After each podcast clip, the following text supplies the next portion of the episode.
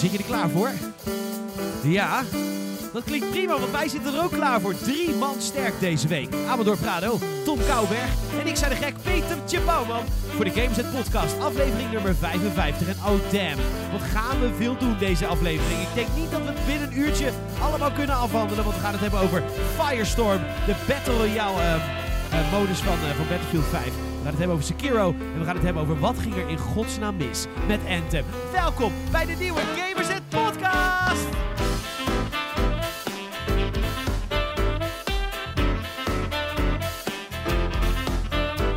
Ik vind het ook zo fijn uh, dat wij tegenwoordig te beluisteren zijn op Spotify. Ik doe niet anders. Ik luister hem terug sinds wij op Spotify zitten. Daarvoor luister ik onze podcast nooit terug, want het is eigenlijk een, uh, een leuk programma. Dan zeg ik het zelf. Maar dat maakt verder niet uit. Uh, we zijn, uh, we zijn aangeschoven. Ik wil jullie wel eventjes eerst wat uh, huishoudelijke mededelingen doen. Want we, zijn, we zijn trots op de podcast. Maar we willen dat we nog groter worden. We, we groeien al sinds we op Spotify zitten. Dat moeten we doorzetten. Heb je vriendjes, heb je vriendinnetjes die ook van games houden en af en toe een podcast luisteren of niet? Leer ze het en verwijs door naar de Gameset podcast. En we hebben ook nog steeds een prijsvraag met de Gameset Weekly.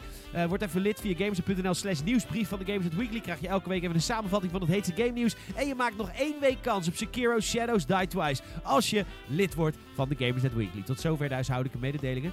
Uh, en ik wilde trouwens nog wat zeggen. Dat ging volgens mij over de Weekly. Want wij worden dus elke week beluisterd door een groep gasten die Ark spelen met elkaar.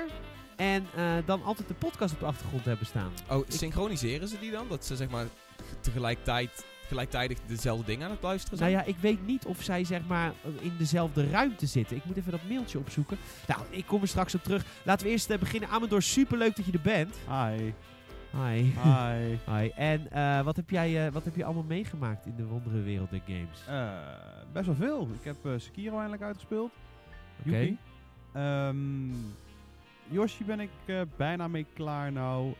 ik heb nou Trials Rising opgepakt.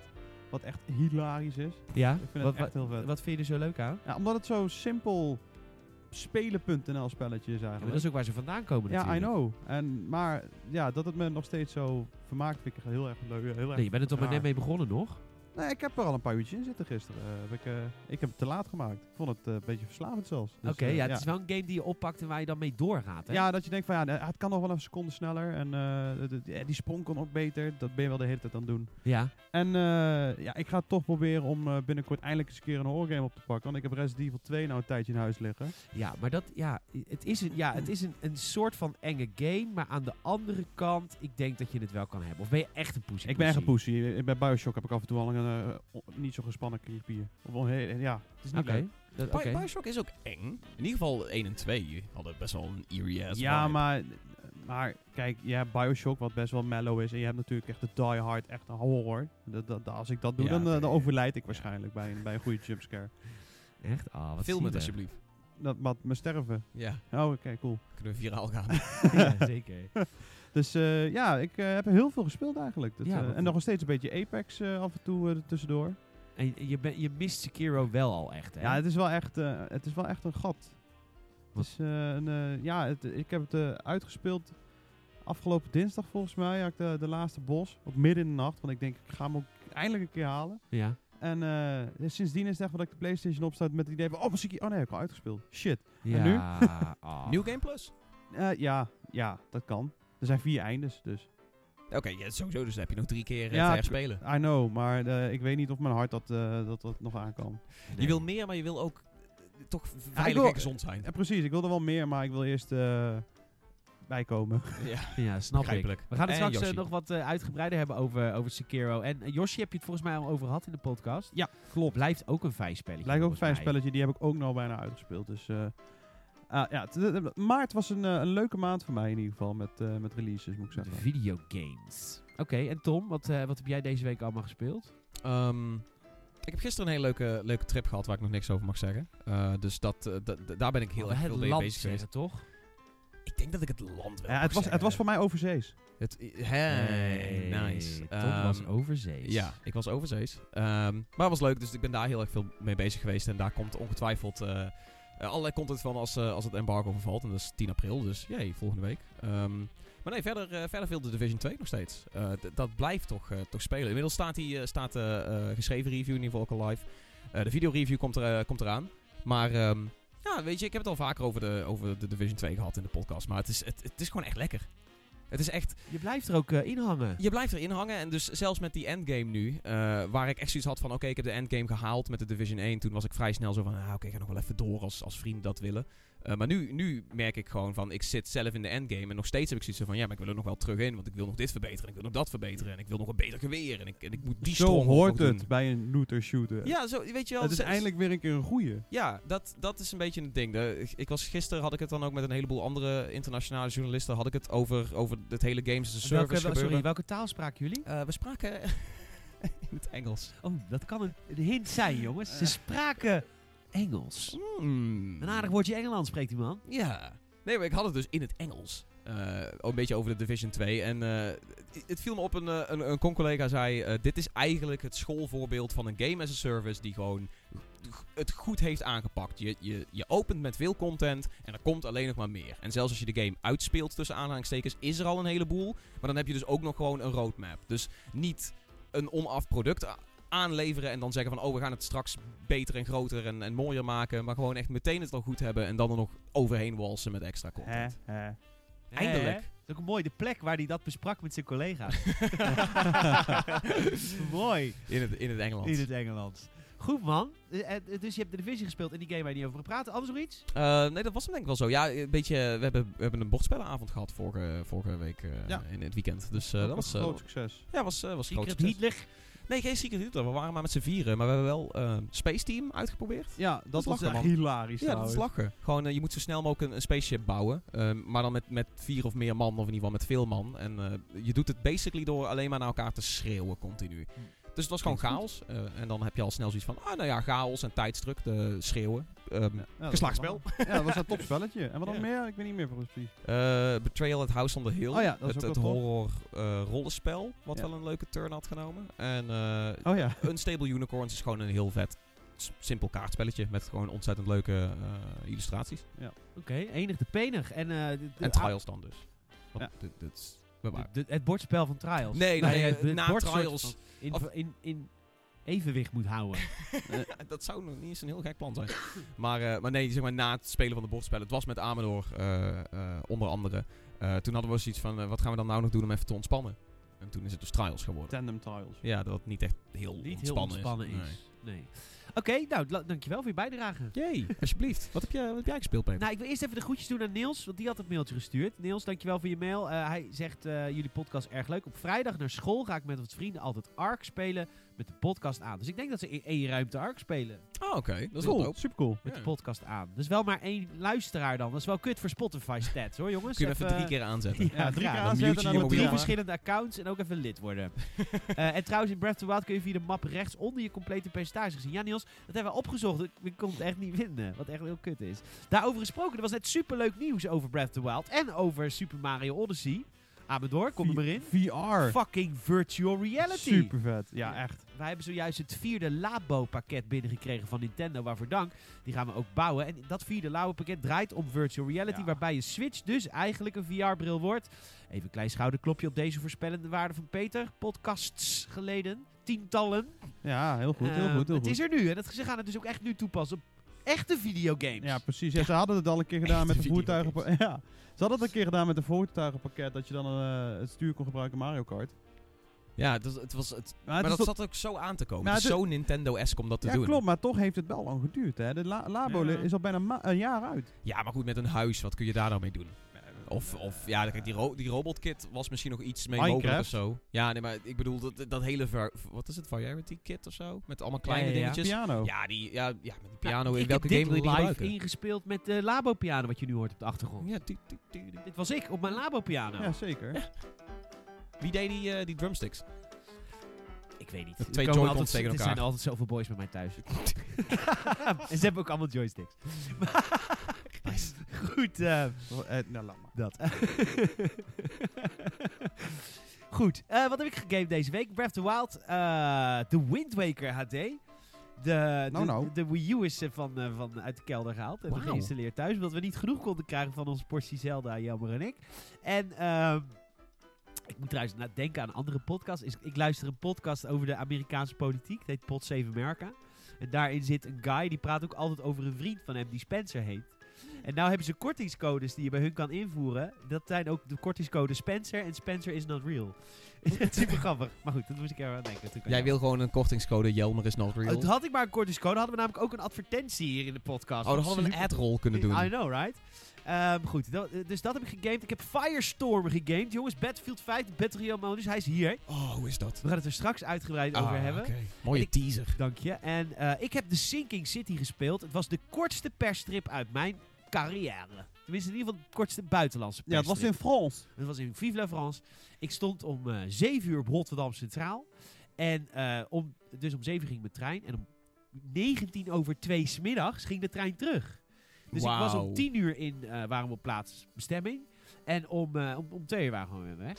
Dus je hebt... Wat was de ratio Nog geen 5 game... uur. Ja, maar wat is de, wat is de ratio We hebben, gamen eh, op reizen? Nee, we hebben 3 uur gegamed. Drie uur gegamed, maar je en hebt... je hebt- 5 uur gereisd. Oké, ja. Nou, Ja. Dat, dat is nog een soort van... Ja, want vanaf Rotterdam is het echt maar 2,5 uur naar. Parijs. Echt wel heel fijn. Als je vanaf Amsterdam gaat, is het toch weer drie kwartier langer. Eh, dus dat is, wel, eh, dat is wel snel. Ik heb bijna alleen maar geslapen in de trein. En ik moet zeggen, de Sing City, ik heb er Bark mag er niks over zeggen, maar ik vind het wel leuk.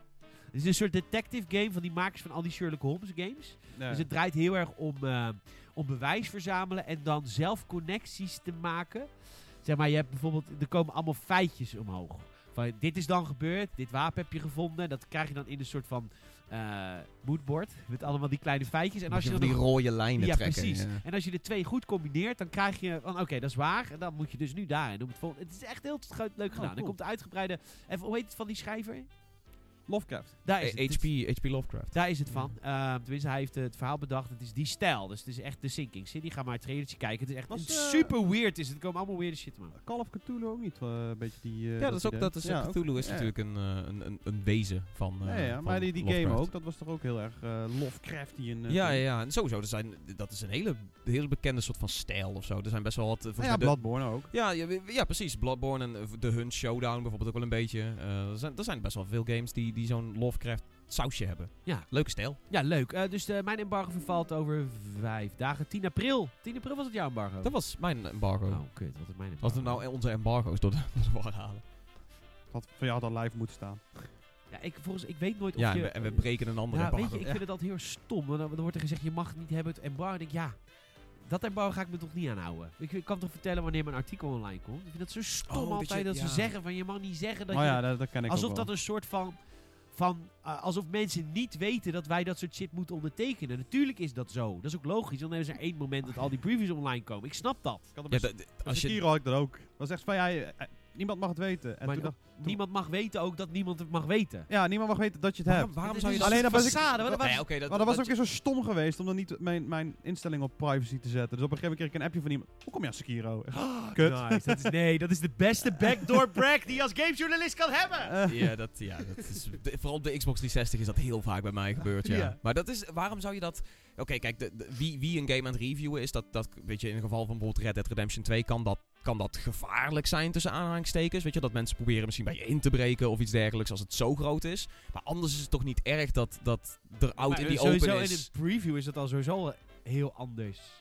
Als het, ja, Want dan, heb je de game sowieso niet. Nee, nee, precies. Nee. Nee, maar dat- ja, dat, het is een beetje Nou ja, gek dat je dat soort dingen geheim wil houden. Red Dead denk ik het enige voorbeeld is waar mensen echt oprecht...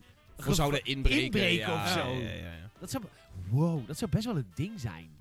PlayStation. Ja, ja, ja. Maar het is toch ook gewoon zo... Dat me- Oh, ik heb hier nog nooit over nagedacht. Maar mensen kennen ons toch? Dus die weten toch een week voordat straks GTA 6 verschijnt... dat wij daarmee bezig zijn. Allemaal Ja, maar wie dan? Ja.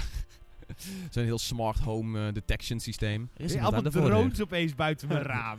Hoe vet zou Danger, dat zijn? danger. Maar hoe vet zou dat zijn? Nee man, dat is, dat is zo'n Black Mirror shit. Dat is heel erg Black Mirror. Ook ik heb trouwens van de week twee afleveringen Black Mirror gekeken. Die ene in dat eh, museum.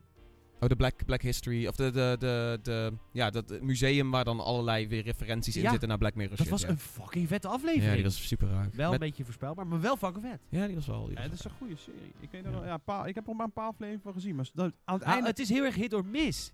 Dus het is heel fijn als ik dan iemand in mijn huis heb. Ga niet meer zijn naam noemen. Wa- eh, dat, Hij is die- niet- hij die bestaat niet. Hij bestaat- Peter, hou nou eens op. die dat tegen me zegt, ja, die aflevering moeten we kijken, die heb ik al gezien, die is super vet. Dan vind ik het fijn, want ik heb Black Mirror begonnen. En toen vond ik zoveel afleveringen waarvan ik dacht, wat ben ik eigenlijk naar Ja, aan er het kijken? zitten wel een paar hele vage eh, dingen tussen, maar ook sommige dat je aan het einde van de aflevering ook echt, wat is hier zojuist gebeurd? Ja. Ja, nou ja, op zich... Dus ik heb, je hebt een soort guide nodig van de beste aflevering, die kun je dan gewoon gaan kijken. er is, de, ik wou net zeggen, er is net als met Star Wars, is er zo'n soort van bepaalde kijkvolgorde, weet je. Dat is de machete order van Star Wars, dat je ook één niet kijkt en dergelijke. Die zijn er ook voor Black Mirror. En de, de, de, de, de overduidelijke highlights zitten daar ook echt bovenaan, zeg maar. Als ik je er twee moet geven, als ik je twee eh, tips moet geven, dan is het eh, eentje met eh, vliegen zal het opzoeken op bijen, Netflix. en eh, de andere Die, die met bijen bedoel met bijen, bijen. ja. En eh, die andere was eh, met Kojima. Nee, ja, die is ook wel vet. Die trouwens. met Kojima is echt de beste maar die, mij. ehm, god, hoe ging die nou?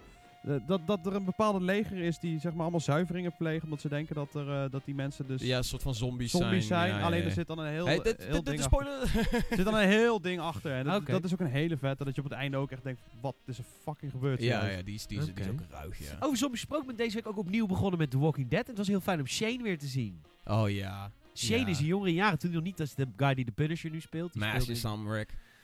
Dank je. Die, eh, die eh, was, eh, was. Wat? Wat? wat, was, Sorry? wat was het seizoen 1 van The Walking Dead eigenlijk heftig dat hij het deed met de vrouw van Rick? Ja. What the fuck is dit? Dat is van GTA Station Toen shit, was het man. echt nog echt dat je een serie had die niet alleen maar gewoon kutdingen deed van haha. Ik heb Maar ook nog een soort van rare gelaagdheid had in dat soort relationele sferen.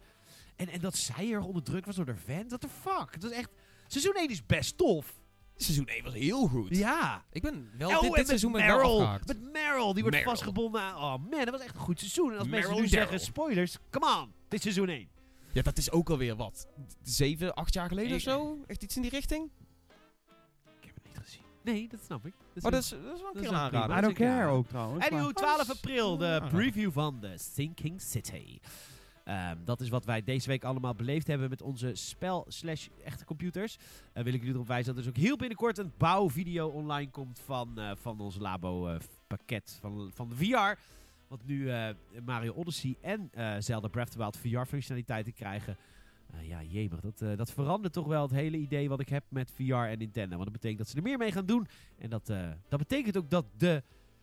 Ik ben ook echt heel erg... Nee, maar wacht even. Ik ben nu oprecht benieuwd. Hebben hier gewoon een HTC Vive liggen. We hebben een PlayStation VR liggen. We hebben nu ook een Switch VR. Ik vraag me oprecht af hoe het grafisch is. Ja, want ze, het, het draait dus... Als het VR is, draait het automatisch al in handheld modus. Ja? Ja, dus dan, dan is er al een set resolutie, maar er is ook een, een set, zeg maar, hoeveelheid hardwarekracht natuurlijk. Ja, maar met een VR moet je toch 120 frames per seconde of zo hebben. Voor, anders krijg je hoofdpijn of zo. Dat is Nou, toch een regel? Ja, 120 is wel vol- volgens mij een beetje de gulden standaard geworden, inderdaad. En dat, dat scherm eh, is 60 max. Dus ehm, het, het, is, het is... Als je dan denkt van heel Breath of the Wild beleven in VR, ja. Maar heel Breath of the Wild beleven in VR die misschien niet helemaal super relaxed is voor de lange duur. Dat is... Ja, Ja, goed, vanaf- hey, we gaan het zien. Vanaf 26 april eh, zijn beide updates live. Zowel voor Super Mario Odyssey. Dat zijn aparte levels voor VR. En Breath of the Wild krijgt gewoon een update dat je de hele game in VR kan spelen. Ja. Weird. Beyond dit. Nou, is wel heel. Huh? Oh, ik dacht dat hij Beyond zei. Beyond. Anthem. Ja, Anthem. Two Souls. Oh. Ja. Wat zei jij dan? Beyoncé? Nee, eh, ja, je zei Beyond. Dus ik dacht Two Souls. Oh, Two Souls. Two Souls. Waarom zit ik dan met Beyoncé? Sorry, ik zit altijd met Beyoncé. Queen Ehm, ja, Queen- Bee. even het volgende topic in de Beehive. Eh, goed, eh, we, gaan, eh, we gaan door naar... we gaan door naar... eh, we hebben drie onderwerpen. Eh, ik ga het hebben over Battlefield 5 Firestorm. Ehm Amador gaat het hebben over Sekiro Shadows Die Twice. Tom gaat het hebben over Anthem. We zouden het niet meer hebben over EA. Maar er is een eh, artikel gedropt van Kotaku. Een kleintje maar. Een kleintje maar. U kent, ze- u kent ze wel, Kotaku, die heel graag gamers uit willen zijn. Die hebben onderzoek gedaan, die hebben gesproken met heel veel mensen die gewerkt hebben aan de game. En er zijn echt werkelijk schokkende feiten naar boven gekomen omtrent de ontwikkeling van Anthem. Wat gaan we als eerst behandelen? Amador, zeg het eens. Eh, nou, laten we een beetje met Skiro beginnen dan. Leuk. Ik wil, ik wil erop los. cool.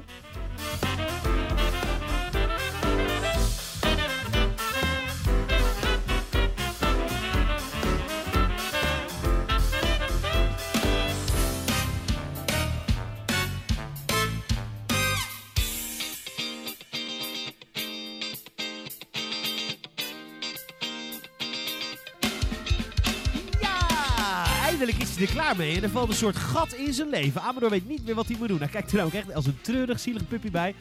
Uh, Sekiro Shadows Die Twice, hij heeft hem uitgespeeld. De review staat al een tijdje op gamers.nl. Maar hij wil toch nog even praten over de game, want... Uh, ja, voor de mensen die dit niet weten, deze game is uh, van de makers van Dark Souls, van From Software. Daardoor liggen de verwachtingen, lagen de verwachtingen hoog. De game wordt ook nog eens uitgegeven door Activision, wat heel veel mensen ook zoiets hadden van, Mhm. wat de fuck is dit nou? Uh, maar hij, uh, de game kwam, zag en overwon. De game heeft de 9,5 gekregen volgens mij. Yes, dat klopt. Amador, neem eens even mee in de wereld van Sekiro. Want ik, wij stonden dus vorige week uh, op Dutch Comic Con met de Tuk Tuk twee weken geleden. En er waren heel veel mensen die kwamen bij, bij ons die game spelen, want die hadden we speelbaar. En die zeiden, ja, ik ben super groot fan van Dark Souls. Ik ben super groot fan van From Software. What the fuck is deze game? Is dit hetzelfde? Is het anders? Dus het was heel fijn dat we daar stonden. Want heel veel mensen wilden het gewoon proberen om te... Wat, laat ik zo zeggen. Wat is het grootste verschil tussen Sekiro en Dark Souls? Um, Sekiro is wat meer gestroomlijnder. Je hebt wat minder vrijheid met hoe je het spel speelt. Uh, en het is niet precies slecht, omdat Sekiro een, uh, daardoor een heel goed verhaal kan vertellen zonder al te veel uh, missers, om maar zo te zeggen. Want bij, bij Dark Souls en Bloodborne heb je je eigen character, die verder ook geen voice lines, weet je. Dus het is altijd een beetje een onbelangrijke character, voel je je dan. maar je hebt dan wel allemaal verschillende classes, mages en shit. En bij Sekiro is het, je bent een hele coole shinobi, een, uh, een samurai, uh, met een zwaard. En that's it. Daar draait het verhaal om. Nou, je hebt ook nog je armprothese. Ja, oké. Okay, en, je, en je prothese. Maar het, verhaal draait om dat spe specifieke persoon en niet over een of andere lelijke, zelfgemaakte protagonist die je zelf uh, in elkaar hebt gedraaid. Is het, is het waar om te zeggen dat Sekiro eigenlijk een... Dat ze bij From Software hebben gedacht, oké, okay, we halen alles weg wat we weten van Dark Souls. We gaan eigenlijk naar de essentie wat games die wij maken goed maakt. En dat dat heel erg Sekiro is? Of heb je echt het idee, het is gewoon net zo diep, maar gewoon een andere richting? Uh, uh, ik heb het idee dat het heel veel gestript is.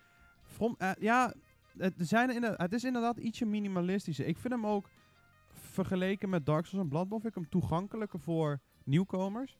Omdat het verhaal is wat duidelijker, het is wat meer gestroomlijnd. Je krijgt ook daadwerkelijk, als je NPC's tegenkomt, die ook daadwerkelijk het verhaal een beetje op een normale wijze aan je uitleggen. Bij Dark Souls is het vooral heel veel omgeving en item descriptions die je moet lezen. En dan kun je zelf de, het verhaal een beetje aan elkaar puzzelen. En er zijn, er zijn zoveel fantheorieën ook die allemaal waar kunnen zijn, weet je. Het is heel erg een, een, een game waar je zelf je invulling aan kan geven. Sekiro is veel minder van dat. Het is gewoon een heel sterk verhaal. Met een paar branches waar je denkt van oké, hier kan het of zo zijn gebeurd of zo zijn gebeurd. Maar over het algemeen is het een... Uh, uh, een verhaal die ah, gewoon een, een, begin en een eind heeft. En vrij straightforward is. Maar wel heel sterk daar niet van. Want er zijn ook vier eindes. Je kan het ook op andere manier spelen natuurlijk. Ja. Um, maar het maakt het wat begrijpelijker voor beginners. En beginners hebben dan vaak nog wel een doel nodig om zo'n moeilijke game te gaan spelen. En als je dan weet wat, uh, wat, wat de missie is en wat je moet doen, dan is dat toch net een makkelijk, even een klein stapje van oké okay, jongen, je moet deze baas misschien wel verslaan, maar dan weet je wel wat, wat er gaat gebeuren met de Pup. En, en dat maakt het ja, al. Net als vroeger dat je eigenlijk, uh, ik speelde dan Command Conquer Red Alert echt voor de cutscenes. Weet je, we wisten aan het eind van de, middag, of eind van de missie krijg je een nieuwe cutscene. Weet je, is Ja. dat de stimulans die je dan hebt? Ja, een beetje wel. Ja. Je krijgt dan, als je weer een, een, een bos hebt verslagen, dan krijg je weer een item die dan weer eh, het verhaal verder. Bijvoorbeeld een item die zorgt dat het verhaal verder gaat. En eh, eh, het- ik vind het zelf echt een prachtig mooi verhaal. Het is echt goed gedaan. Eh, de, de, de meeste side characters zijn ook eh, heel believable. De- je hebt er ook wel een band mee met vooral degene die jij moet beschermen, de Divine Air. Dat is, eh, het verhaal gaat eigenlijk erover. Je Ja, bent die Divine Air is een baby, toch? Dat Ja, is het toch is de jongen. baby van, eh, van die maker van Metal Gear? Dat is toch die baby? Dat is Death, Death Stranding, Dat is de baby. Death Ja. Stranding baby, toch? Nee, dat is het. Alle Sony games zijn connected. ja. Maar ehm, het verhaal... Nek, pas maar op. nou, Nek is ook weird. Die heeft ook allemaal spijt. Nou, Ja, precies. Goed. Maar het verhaal is, eh, om- het een beetje kort te houden, je bent een shinobi, je bent in principe een, een soort van bodyguard voor de Divine Air. De Divine Air is een, een joch die, eh, hij is echt best wel jong, voor mij een jaartje of 8, 10 jaar denk ik ongeveer. En ehm, die heeft een kracht, hij is immortal in principe. En er zijn de groepen van buiten. Die, Wacht, waarom moet je hem dan beschermen? Ja, die grap maakte Peter Dat was ook geen grap, dat was een oprechte vraag. Ja, Ja, ja. maar dat is een manier om de immortality van hem af te pakken. En Ja, dat- dus het is en- eigenlijk geen Oh. immortality. Nee, hij kan, hij kan Nee, als, als hem iedereen hem met rust laat, Kan- dan kan ja. hij lang leven. Als Immorta- hij gewoon in zijn couveuse blijft liggen Ja. en zonder voeding krijgt. Het is immortality, geen immunity, hè? Dat is iets heel anders. Nee, oké, oké, oké. Ah. Ja, zo op die fiets. Ja, ik dacht, hij kan gewoon niet sterven. Hij Zo, kan niet- Ik merk een beetje dat Amador echt een beetje geprikkeld is Ja. dat wij hem hierop doorvragen. Sorry. Nee. Ja, nou, het, het klinkt gewoon onlogisch. Ja, maar we mogen er volgens mij geen grap over maken. Godverdomme. Ja, nee, oké. dus ik, ik, neem, ik neem het verhaal ook serieus. Spotify, Spotify adult, eh, adult content nu. Oh, sorry hoor. nee, maar... ehm, idee. eh, maar dat is in principe eh, het- de basis van het verhaal. En uiteindelijk eh, komt die jongen dan ook met een idee van... Ja, ik weet niet, die kracht is alleen maar slecht, bla bla bla. En, Och, jezus, echt wordt een pubertje. Special Snowflake, ja? Oh, nee, dat niet. Nee, dat... nee, maar het verhaal zelf, dat, dat duurt erop voort. En dan wil ik er niet te veel over spoilen. Maar het, eh, die jongen... Dus ook, eh, ja, ik, althans, ik had het gevoel van ja, voor die jongen daar wil ik wel door het vuur gaan. Hij, hij, is verstandig en eh, en dat maakt het, eh, dat maakt het verhaal, dat maakt het zo dat, dat, je toch een goede reden hebt om door al die moeilijke dingen te komen. En daarom vind ik het geschikte voor, voor beginners. Als je een From Software game moet kiezen, dan zal ik met die beginnen. Oh, en dat was, dat was dus precies mijn vraag. Want ik, ik, ik dabbel al een tijdje met het idee om een keer een, eh, een Dark Souls op te gaan pakken. Maar eh, gewoon omdat ik gewoon benieuwd ben. Nou, oké, From Software, volgens mij zou dat heel erg iets voor mij kunnen zijn. Eh, maar met Dark Souls was ik toch een beetje zo van... Oké, die lore die ligt daar toch een beetje ver achterin. Is, is het dan niet slimmer om, om weet je, als Sekiro op te pakken? Sekiro is wat Bloodborne. Bloodborne, ja, Bloodborne heeft wel heel veel raakvlakken met een Dark Souls. En daar word je ook, heb je ook gewoon je eigen karakter die je moet maken. Heb je ook hele vage lore die je zelf moet opzoeken. En Sekiro is wat gestroomlijnder. Je wordt in een verhaal gedropt die je als, die dan, als je nog nooit een From Software game hebt gespeeld, die je dan ook meteen gewoon goed begrijpt. Ze nemen je iets meer aan het handje. Ze nemen je iets meer aan het handje. Je krijgt ook, er is ook gewoon een tutorial. Dan. ja, ja nee, oké, maar dat is... Ja, nee, het klinkt allemaal zo goed. En, en vooral ook die Japanse sferen, daar, daar ga ik wel lekker op. Ja. Nou, zeg maar. Ja, Dus het is natuurlijk een persoonlijk dingetje. Ik, ik heb heel erg veel dus met dat eh Lovecrafty en wat, eh, wat, wat we het eerder over hadden. Ik vind Ja. Bloodborne vind ik veruit de vetste From Software game. Een van de vetste eh, games ooit. Ook een goed bordspel. Ja, er is ook een leuk bordspel van trouwens. Ehm, dus ja, voor mij is, blijft dat altijd de top. Maar Sekiro is op hele andere manieren... Wist het mij weer te triggeren. Je kan, het is gewoon From Software gewoon puur zang nog steeds. De, de uitdaging zit erin. Het is ook nooit oneerlijk moeilijk of zo. Ja, dat, dat, dat vind ik Dat, je aan het lopen bent, dat er in één keer, eh, zonder dat je het weet, eh, weet ik veel, de vloer onder je vandaan valt. En dan als je weer terugkomt, dat het ergens anders weer een keer kan, gebeurt. kan ook grappig zijn, maar ik, ik, vind het, ik, ik vind over het algemeen zeg maar, de, de Cuphead moeilijkheidsgraad fijner, weet je wel. Dat als je iets fout doet, dat je weet Ja. van ja, oké, het was mijn Dat- fout. dat heb je hier ook inderdaad. Vaak bij een bossfight dat ik dan weer net iets vergeet en dan, dan krijg je weer een on- ongelofelijke draai in je oren en dan denk je fuck. En, Ja. dan, en dan, dan ga je dat weer verbeteren en dan word je daar weer beter in. En dan stapje voor stapje, dan, dan kom je er steeds beter in. En bij Sekiro is het wel zo van, hoe, hoe meer uur je erin zet, in hebt zitten, hoe veel beter je ook wordt. Dat- Je, je merkt het ook, omdat het zwaardvechten over het algemeen de hele game hetzelfde is. Ja, het is gewoon die counter die het belangrijkste is, Die counter, toch? ja, precies. De counter en het, eh, en het timen van, van het blokken Ja, van... dat bedoel ik eigenlijk. Ja. de timer van het blokken. Dat is eigenlijk wat ja, de hele precies. game is, toch? Ja, in principe wel. Als je het goed wil spelen en een beetje snel door de vijanden heen wil kunnen, dan moet je dat blokken echt goed oefenen. Want in principe, je hebt geen stamina balk. Bij Dark Souls is in principe, als je elke keer hetzelfde doet, kom je er eigenlijk wel doorheen. Dat is gewoon aanvallen totdat je stamina balk bijna leeg is. Dan stap je naar achter, dan laat je de vijand eh, even zijn ding doen.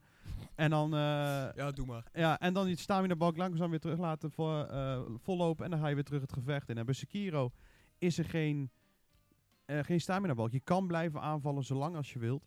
Ehm, Ja, maar dan wordt het dus heel erg de keuze wanneer je dat wanneer Precies, je je ophoudt moet, en je moet gaan timen Ja. wanneer je dat doet. Want op een gegeven moment kan je ook gewoon horen aan, aan de zwaardslagen als je een vijand gaat, gaat raken, dat die jou gewoon effectief begint te blokken. Ja, ja. En als die jou effectief blokt, dan gaat jouw posture, dat is in principe de vervanger van de stamina balk, dat gaat omhoog. En als het balkje vol zit, ben je gestunt, kan die je one-hitten, dan is het klaar. ja. Maar andersom kan dat ook gebeuren. Je kan ook gewoon boss fights gewoon one-hitten als je gewoon goed blokt.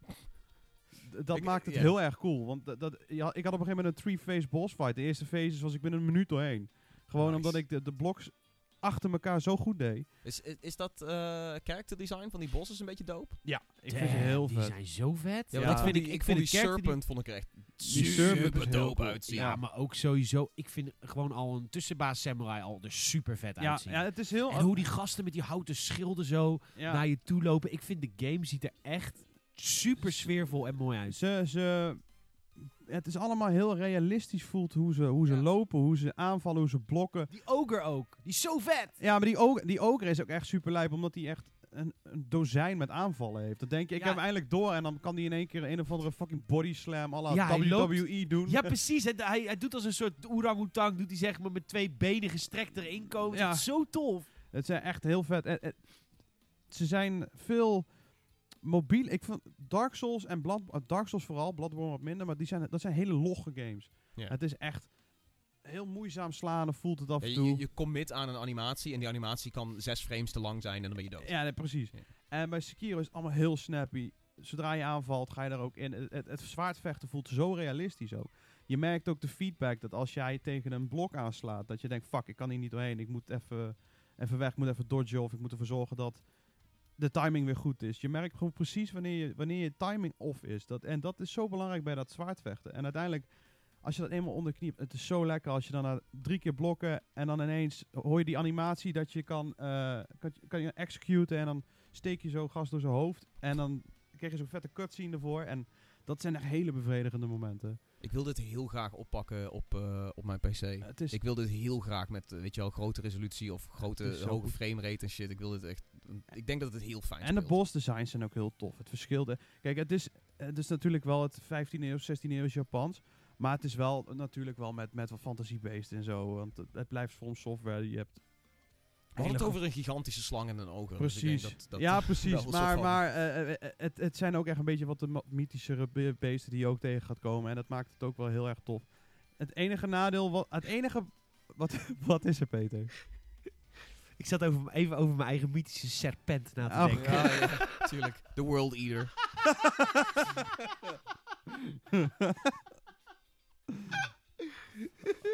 dus. Ga verder, ik draai mezelf uit. Ja, maar ehm, ondanks, on- ondanks dit intermezzo eh, wilde ik gewoon hebben over een hele vette game. En niet over de piemel van Peter. Ook een eindbaas. Dat is ook al een eindbaas hoor, daar niet van. Hoeveel faces heeft hij? Drie. nice. Ehm, het enige nadeel, had een nadeel, het enige wat ik jammer vond, eh, want je hebt de echte bosses, dat je echt in een arena komt, dat je niks heen kan. Maar je hebt bijvoorbeeld ook gewoon een soort van mini-bosses waar je soms gewoon ook langs kan, dat je ze niet hoeft te verslaan. Ja, meer Eh, zeg maar in de open wereld. Zeg maar Precies, ja. Als je ze verslaat, krijg je wel eh, een goede beloning. Je krijgt dan een Ja. prayer beat. En bij elke vier beats krijg je een krijg je extra... krijg je een extra eh, eh, stukje leven en je posturebalk wordt groter, waardoor je meer klappen kan vangen en zo. Nice. Ehm, dus het is wel handig om die minibosses aan te gaan. Maar die minibosses, sommige lijken wel heel erg op elkaar. Je hebt bijvoorbeeld eentje die... eh, in het begin is het dan de, de drunkard. En dat is een beetje zo'n forse man met een heel lang zwaard. Echt zo'n beetje zo'n sumo-gast.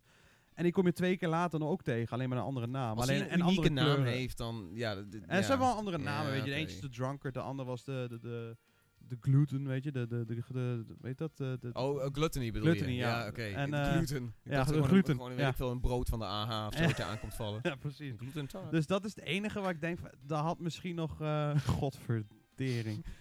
Dat is de enige de momenten dat ik echt dacht van, oké, hier had wat meer energie in mogen steken. Wat, wat meer variatie qua bosses. Ja. Maar over het algemeen, al, alles was gewoon tot in de puntjes verzorgd. En ja, dat, dat, dat moet je From Software altijd nageven. De, de games zijn altijd wel gewoon af, af. Echt gewoon goed. Heel af en toe wel een buggy, maar ja. Ja, en de optimalisatie is natuurlijk wel, wel een klein dingetje. Ik Nou, bedoel, dat- vooral met de Dark Souls games in, in, in- de past, weet je wel. Er er zijn een aantal geweest die niet zo lekker liepen. Vooral niet op PC. Ik geloof dat bij, bij deze is de PlayStation... De, de oude PlayStation 4 kan ook een beetje janky worden met Ja, Sekiro. Ik heb, ik heb op de Pro gespeeld. Eh, ze hadden 60 fps beloofd, raad, raakt hij nu niet. Maar het is niet heel storend minder of zo. Ik kon hem wel gewoon goed spelen. Ja, oké, Ah, dat en het is wel- Maar dat is wel de reden dat ik het dan... Als de PC optimale, uh, Het is wel goed. is, Ik heb ja, gezien dan, dat hij goed is, ja. Ja, oké, da- dan, En, dan ben ik eh, wel heel Maar snel eh, weet je, het is niet storend en ze hebben er wel voor gezorgd dat, dat de framerate zodanig goed is dat je die... Het is een heel erg timing spelletje uiteindelijk. Als je framerate helemaal off is, dan is het niet te spelen. Nee. Dus eh, ze hebben er wel voor gezorgd dat de optimalisatie gewoon goed is. En ze hebben alweer een paar patches aangegooid. Het draait nu nog beter. Dus eh, weet je, dat, dat is inderdaad een van de zwakkere punten van From Software. De Dark Souls games waren wel een beetje janky qua framerate. Ja, dan krijg je oneerlijke doden ook. Ja, je? Dus als, als jouw jouw leven of dood, jouw jouw winnen of eh, verliezen gaat over zes frames en je mist die zes frames, Ja, dan ja. Eh, Maar dat, eh, nee, ik heb, ik heb nooit gedacht van fuck, dit is oneerlijk. Ik heb altijd gedacht van shit, gewoon gemist. Volgende keer beter. ja, nog een keer. Of Yoshi. Of Yoshi. Ja. Even ontspannen. En vond het ja, dat heb ik al vaker tussendoor even gespeeld. Dat Ik Ja? dacht fuck, ik heb er geen zin meer in.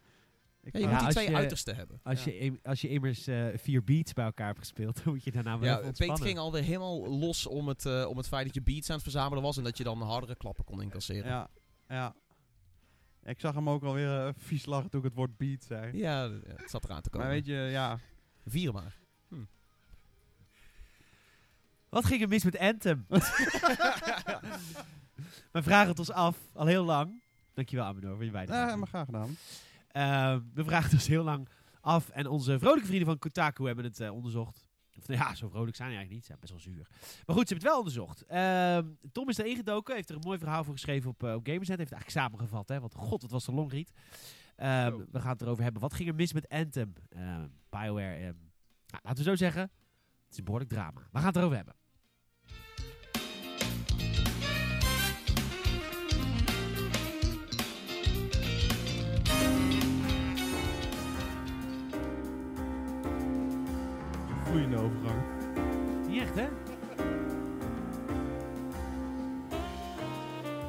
Ja, want, eh, want Anthem kwam, zag, overwon helemaal niks. En is nu het, eh ja, het schaamtehoekje ingedoken bij Electronic Arts.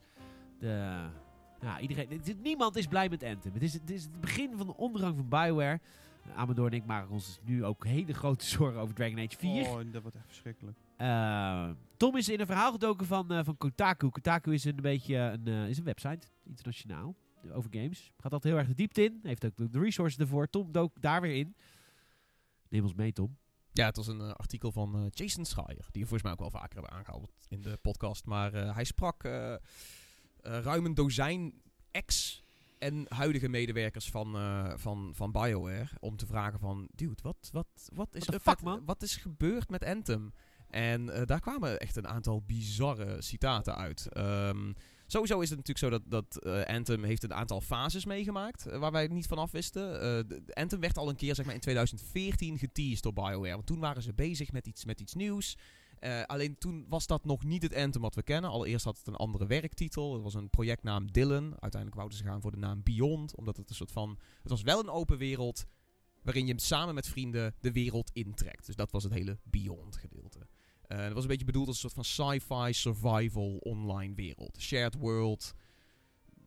Ja, zie je het als, weet ik veel, een, een, Minecraft of zo bijna. Eh, alleen dan met een beetje Shadow of the Colossus. Want er waren grote beesten. En dan ging je de wereld intrekken. Godverdomme, wat een goed idee. Ja, wat, het Ja. klonk fantastisch. Monster Kijk- Hunter, maar dan kijken hoe-. Ja, maar dan sci-fi ook inderdaad. Grote beesten. En dat je met z'n allen naar buiten ging trekken om de open wereld in te gaan. Kijken hoe lang je kon overleven. Eh, fantastisch concept. Maar heel veel sturing miste. Heel veel visie miste. Dit, dit project ging, ging een beetje... Er was een klein team wat eraan, wat eraan werkte. eh, wat er wat dingen mee deed. Maar uiteindelijk... wacht even, want in 2014 werd de game al geteased, maar dat, dan, toen was het al in ontwikkeling, neem ik aan. Nee, nee, nee. Dat is dus het gekke. De game is... Het Anthem wat we nu kennen... is pas zeg maar volop in ontwikkeling gegaan... toen de game werd onthuld op de E3. Ja. Een heel groot deel, schijnbaar, van het BioWare-team dat aan Anthem zou moeten werken, wist heel lang niet waar ze mee bezig waren, wat de visie was. Wat gaan we nou eigenlijk maken, jongens?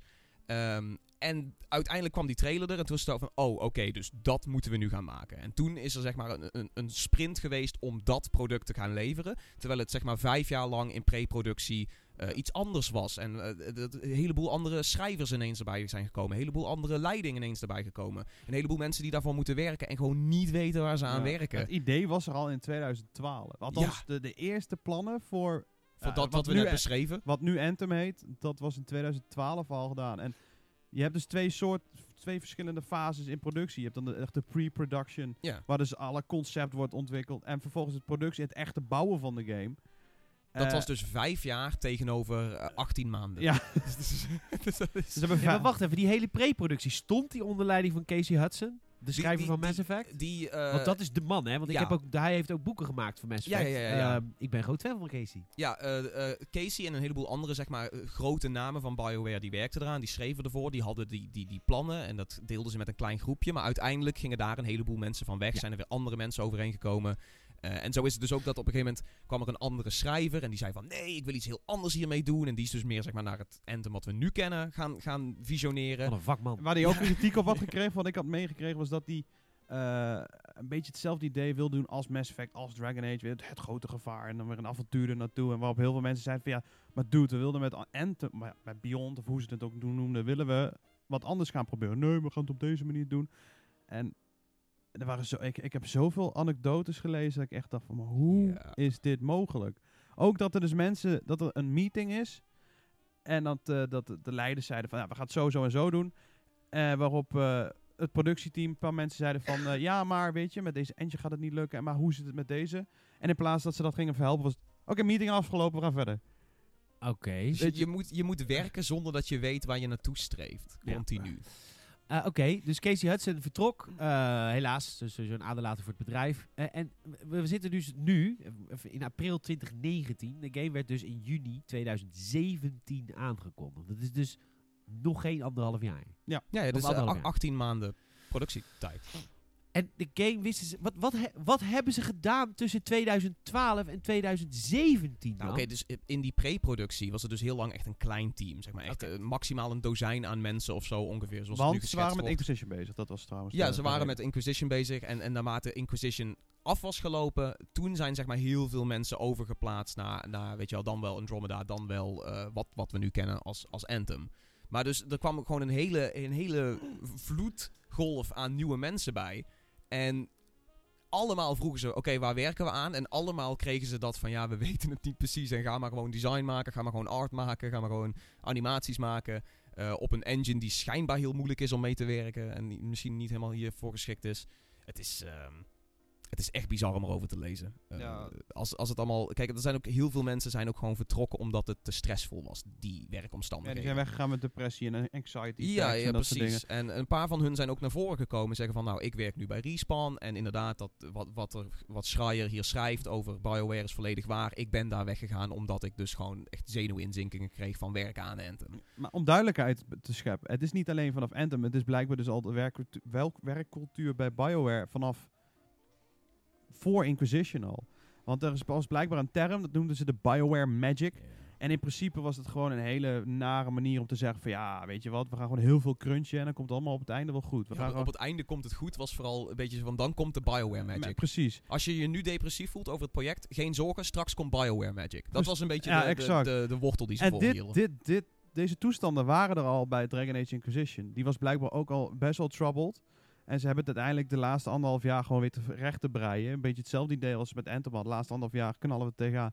Blijkt een fantastische game te zijn. Althans, ik vind Ja, hem- dus dat was voor hun ook de streepronde van BioWare Magic is een ding. Het bestaat, het werkt. Ja, dus we blijven hiermee doorgaan. Maar er, is echt het toxic er werkconditions zijn zijn. in, in, intern zijn er mensen geweest die echt daadwerkelijk in hindsight eh, zeiden van... Eigenlijk had ik moeten hopen dat Dragon Age Inquisition zou floppen. Dan was dit er al veel eerder eruit gekomen. Ja, Zo erg ondertussen was het, was de cultuur in BioWare al. en het, nu is Nou, dus ik, ook het ben altijd, ik wilde altijd een beetje advocaat van de duivel spelen. Iedereen kan zenuwinzinking krijgen en iedereen kan het druk hebben. Maar dat is voor de ene persoon natuurlijk anders dan voor de andere persoon. Ja, maar ze, Je kunt ook heel erg een zenuwinzinking krijgen als je het heel rustig hebt in je werk, maar omdat het gewoon even niet meer gaat. Eh, en hard werken voor een release. Wat de ene vindt dat juist adrenaline en super vet en de ander kan het niet aan. Dat is ook heel erg persoonlijk. En ik vind het ook altijd. Ik ben altijd een beetje verdacht op als mensen zeg maar die gestopt zijn bij Bioware nu gaan zeggen ja, wat die schrijver zegt is allemaal waar. Maar dat, ja, weet je, er zijn ook mensen die dat fantastisch vinden. Ja, maar het gaat niet om, om, om een paar. Schreier heeft 19 bronnen gehad. En buiten die 19 zijn er ook gewoon tientallen vertrokken zonder dat... dat Kijk, het gaat ook om eh, mensen die niet een grote naam hebben in de industrie. Kijk, als er als een Hudson verdw- verdwijnt, ja, dat is de man van Mass Effect. Dat staat in het nieuws. Maar er zijn echt tientallen mensen tijdens de ontwikkeling van Anthem vertrokken. Allemaal gewoon productiemensen, weet ik veel, conciërge, ik noem maar. Mensen die je niet in de, zo snel in de credits terug zou vinden. Maar dat blijft natuurlijk stil. Maar dat gaat echt om tientallen. Het is niet over drie mensen die eh, depressie hebben opgelopen, weg zijn gegaan. De drie, om het maar heel cru te zeggen, zwakkere van de groep. Het gaat echt om tien, echt gewoon om hele pelotonnen mensen die zijn vertrokken. BioWare heeft er dus ook op gereageerd. En dat was ook niet echt in de beste fashion, heb ik het idee. Ja. Want BioWare zag het, zag het hele artikel dus inderdaad als een soort van aanval op hun, op hun bedrijf. Op bepaalde mensen, op bepaalde namen die genoemd eh, zijn. Ze zagen het als een aanval op hun, op hun werkcultuur of zo. En ehm, het was best wel bizar dat met een kwartier nadat het, Ja. e- de enorme longread verscheen, vol met, met, met drama en, en verschillende aspecten van het hele verhaal, eh, praktisch een hele biografie via ik, heb- die ik heb er 19 letterlijk een uur over gedaan. Om ja, maar een kwartier nadat het geplaatst was, had BioWare al een blogpost klaarstaan. Die zei van ja, dit, eh, dit soort artikelen helpen onze industrie niet. Eh, eh, probeer niet zomaar ons zwart te maken, want dit, dit, hier heeft de industrie niks aan. Terwijl, kijk, ik, ik weet niet, wat Peter zegt is natuurlijk ook een heel goed punt. Maar er lijkt wel iets mis te zijn. Ja. En een heleboel van de bronnen die Schreier heeft gesproken, die hebben gezegd van ik hoop dat dit ervoor zorgt dat, dat de studio en de industrie tot, tot inzien komt dat dit niet is hoe we moeten werken. Ja.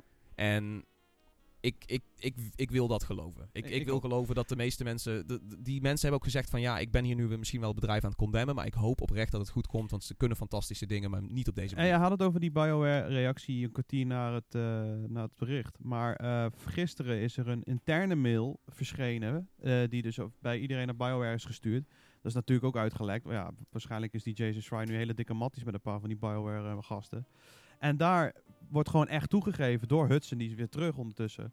eh, van ja, alles wat gezegd wordt is gewoon waar. We moeten hier aan werken. Het is gewoon niet goed wat we doen. En eh, ze hadden, hij had een meeting voorbereid voor volgende week waar, het, waar ze het over gingen hebben. En joh, als er problemen zijn, kom alsjeblieft persoonlijk naar me toe. Weet je, intern wordt het wel heel ja, lief, eh, begrip, Ja, ja, wordt er begripvol. begripvol Nu wel, op, nu ja, nu wel, wordt er nu wel begripvol op gereageerd. Terwijl naar de buitenwereld was het eerst van ja, weet je, dit, die, Fuck die hebben, dit. fuck dit, die Ja. hebben niet zoveel aan, eh, ze, moeten, ze moeten ons niet met ons bemoeien. Zo kwam het wel een beetje over. Wat je gewoon niet kan doen na een kwartier nadat het Ja, gepubliceerd en- en- is. Dan heb je het niet eens gelezen, dan ben je het al weg aan het keilen voordat je het überhaupt En- in acht hebt Ja, genomen. precies. En het wordt serieus genomen. Het is niet... Kijk, soms wordt het verschijnen van dat verhalen en dan is het één, misschien twee bronnen. En waarvoor je denkt van ja, maar ja, die man kan ook liegen. Maar, ik kan me niet voorstellen dat ze alle 19... Nee, Uit nee, de nee, nek lopen nee, maar- dat zei ik ook niet hoor. Nee, ik, klopt, ik maar dat- kwam ook niet voorbij weer op. Ik gaf alleen de enige de, de soort van nuance daarin dat dat wel is kan gebeuren. Dat heel veel mensen Ja, haat klopt. hebben op hun ex-werkgever. bedoel. Ja, dat klopt. Maar ik bedoel meer, dat geeft eh, de Ik bedoel, impact hallo, van... als iemand Bioware haat, op dit moment ben ik het. Ja, nou, anders nu ik ook wel. Maar ik bedoel, meer, de impact is daardoor zo groot van dit artikel. Want het gaat niet om één bron, het gaat echt om 19 mensen. Plus nog heel veel mensen die gewoon stil zijn geweest, maar blijkbaar dus ook zijn vertrokken. En de fouten die er zijn gemaakt, het is echt onbegrijpelijk. Uit planning, weet je, daar heeft uiteindelijk dan... eh, wie was dat? Mark Dara, heette die? Die is uiteindelijk... eh, anderhalf jaar van tevoren is hij, is hij binnengehaald. Oh ja, Dat was iemand die werkte aan Dragon Age Inquisition eerst, volgens mij. En eh, die, zou- die zou helemaal niks met Anthem te maken hebben gehad, maar die is uiteindelijk erbij gekomen van, joh, we moeten nou beslissingen maken. Die heeft gewoon gezegd, ja, maak Ja, het hij maar af. knopen doorgehakt. Knopen door, dit, dit, dit doen we. En eh, daardoor, ze hadden geen geld meer voor productie. En er zitten daardoor fouten in, waardoor het verhaal niet meer klopt. Eh, eh, halve gesprekken die niet eindigen van... want tijdens de knopen doorhakken waren er nog steeds mensen die dachten van... Ja, maar we moeten het toch anders doen. Maar het is al opgenomen, hadden ze geen geld meer om het opnieuw op te nemen. Ja, laat hem erin zitten. Het is... Ja, Er zitten zulke fouten. Het idee was eerst ook gewoon meerdere steden.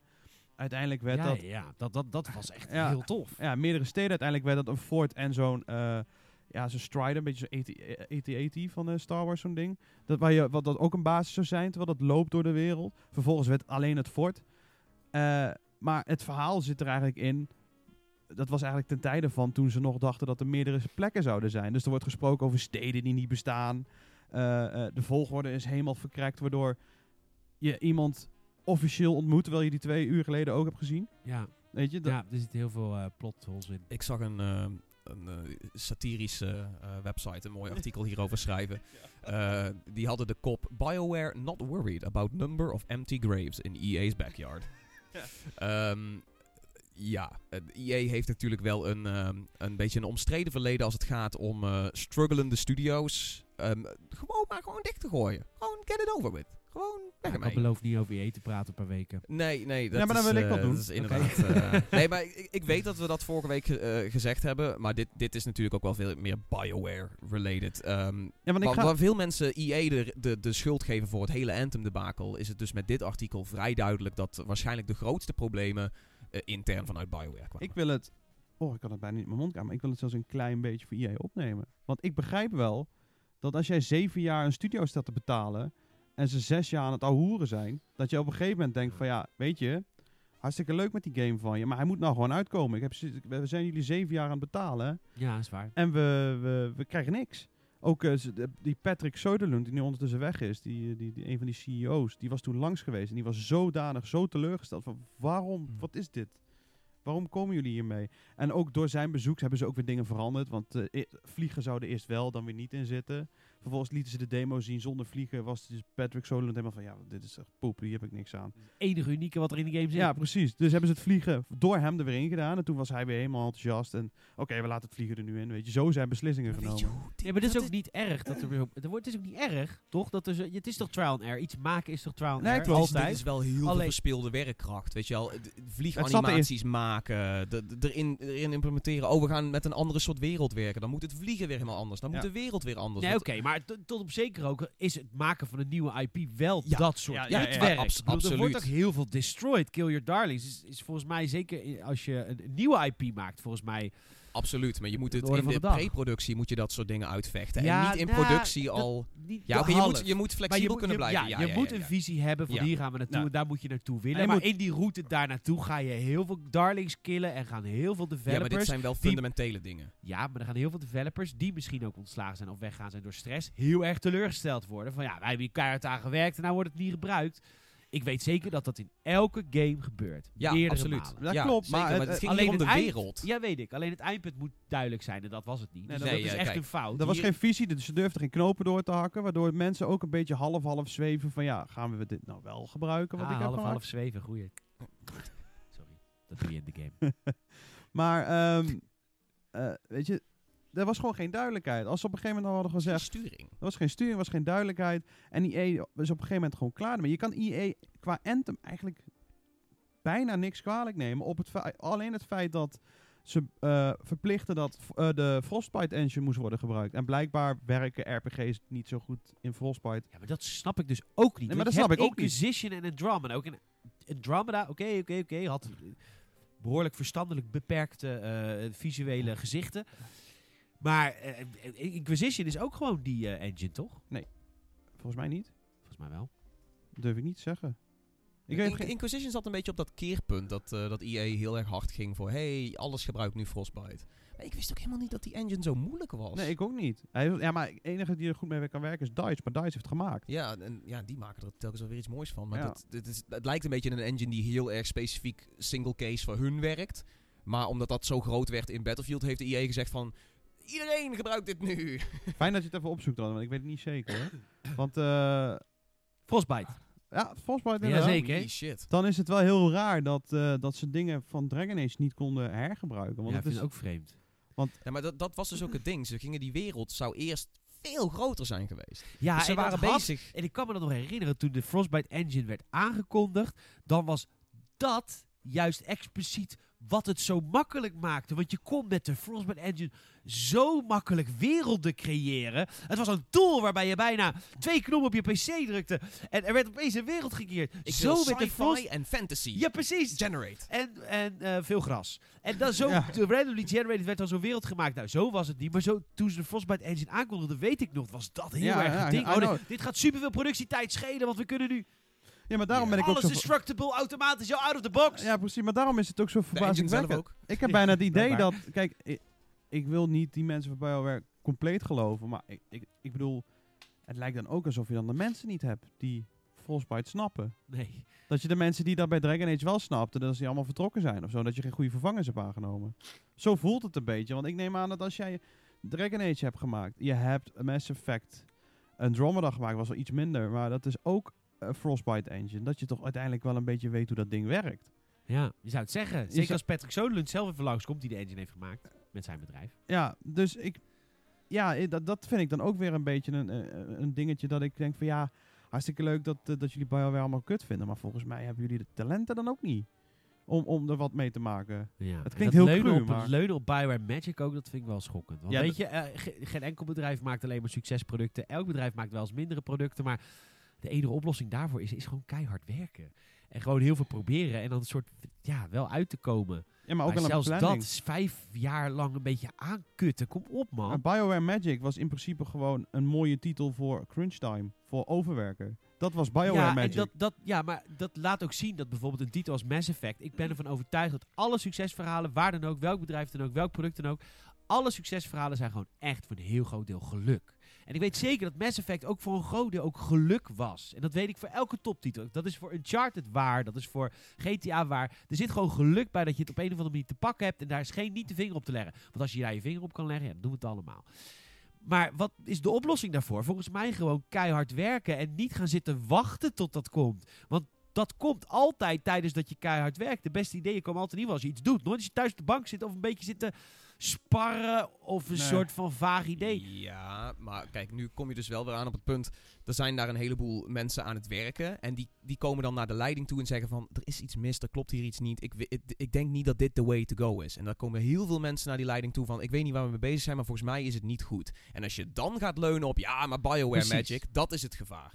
Ja, Dus, dat is, dat is dus ook de fout. ja, dat is, dat is... Ik denk dat daar... eh, Dan nog kan je een kutproduct maken, of, of een kutproduct, of een net niet product. Maar er moet wel liefde en werk en een soort van visie achter zitten. En dat zit er gewoon Maar niet als je in. het zo in een context plaatst, hè, in principe is Anthem dus een product van anderhalf jaar productie. En als je dan naar Anthem zit te kijken, denk je van, is nog damn knap dat Ja, ze nog dat zoveel hebben af weten te krijgen. Ja, misschien als ze nu eh, nog vier jaar eraan werken, wat ze hadden beloofd. Ja, dat we eh, over vier jaar het Anthem hebben Ja, maar Nee, ik wil hebben. Beyond hebben. Ik wil die, ik wil die Ja, survival ik, ik, wil- ik wil ook eh, die unit. beloofde game Oh hebben. wat my god. Dat, Die, die, die schets...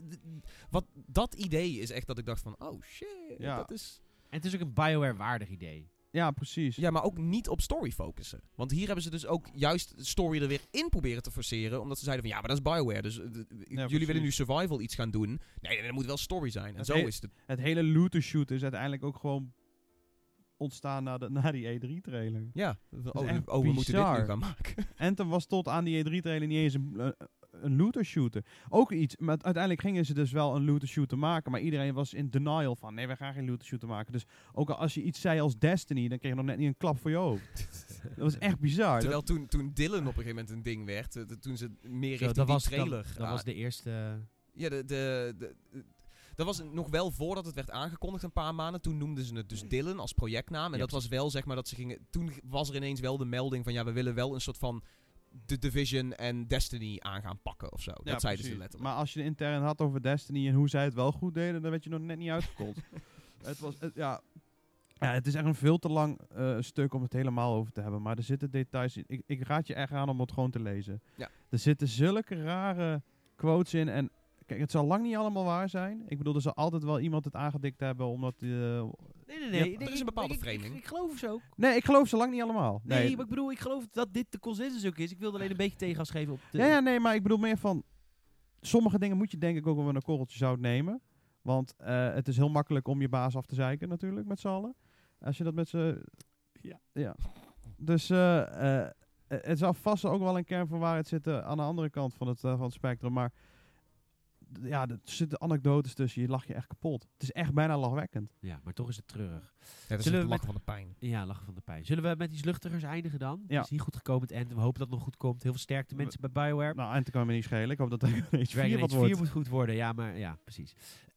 Ehm, mocht je dit artikel willen weten, het staat op gamers.nl. En mocht je, dat, eh, en mocht je het echt makkelijk willen weten, meld je, meld je even aan. Gamers.nl slash nieuwsbrief. Want hij stond deze week in de Gamers Weekly. Eh, waar ging Bioware de fout in met Anthem? We gaan naar het laatste onderwerp van vandaag. Battlefield 5. Firestorm.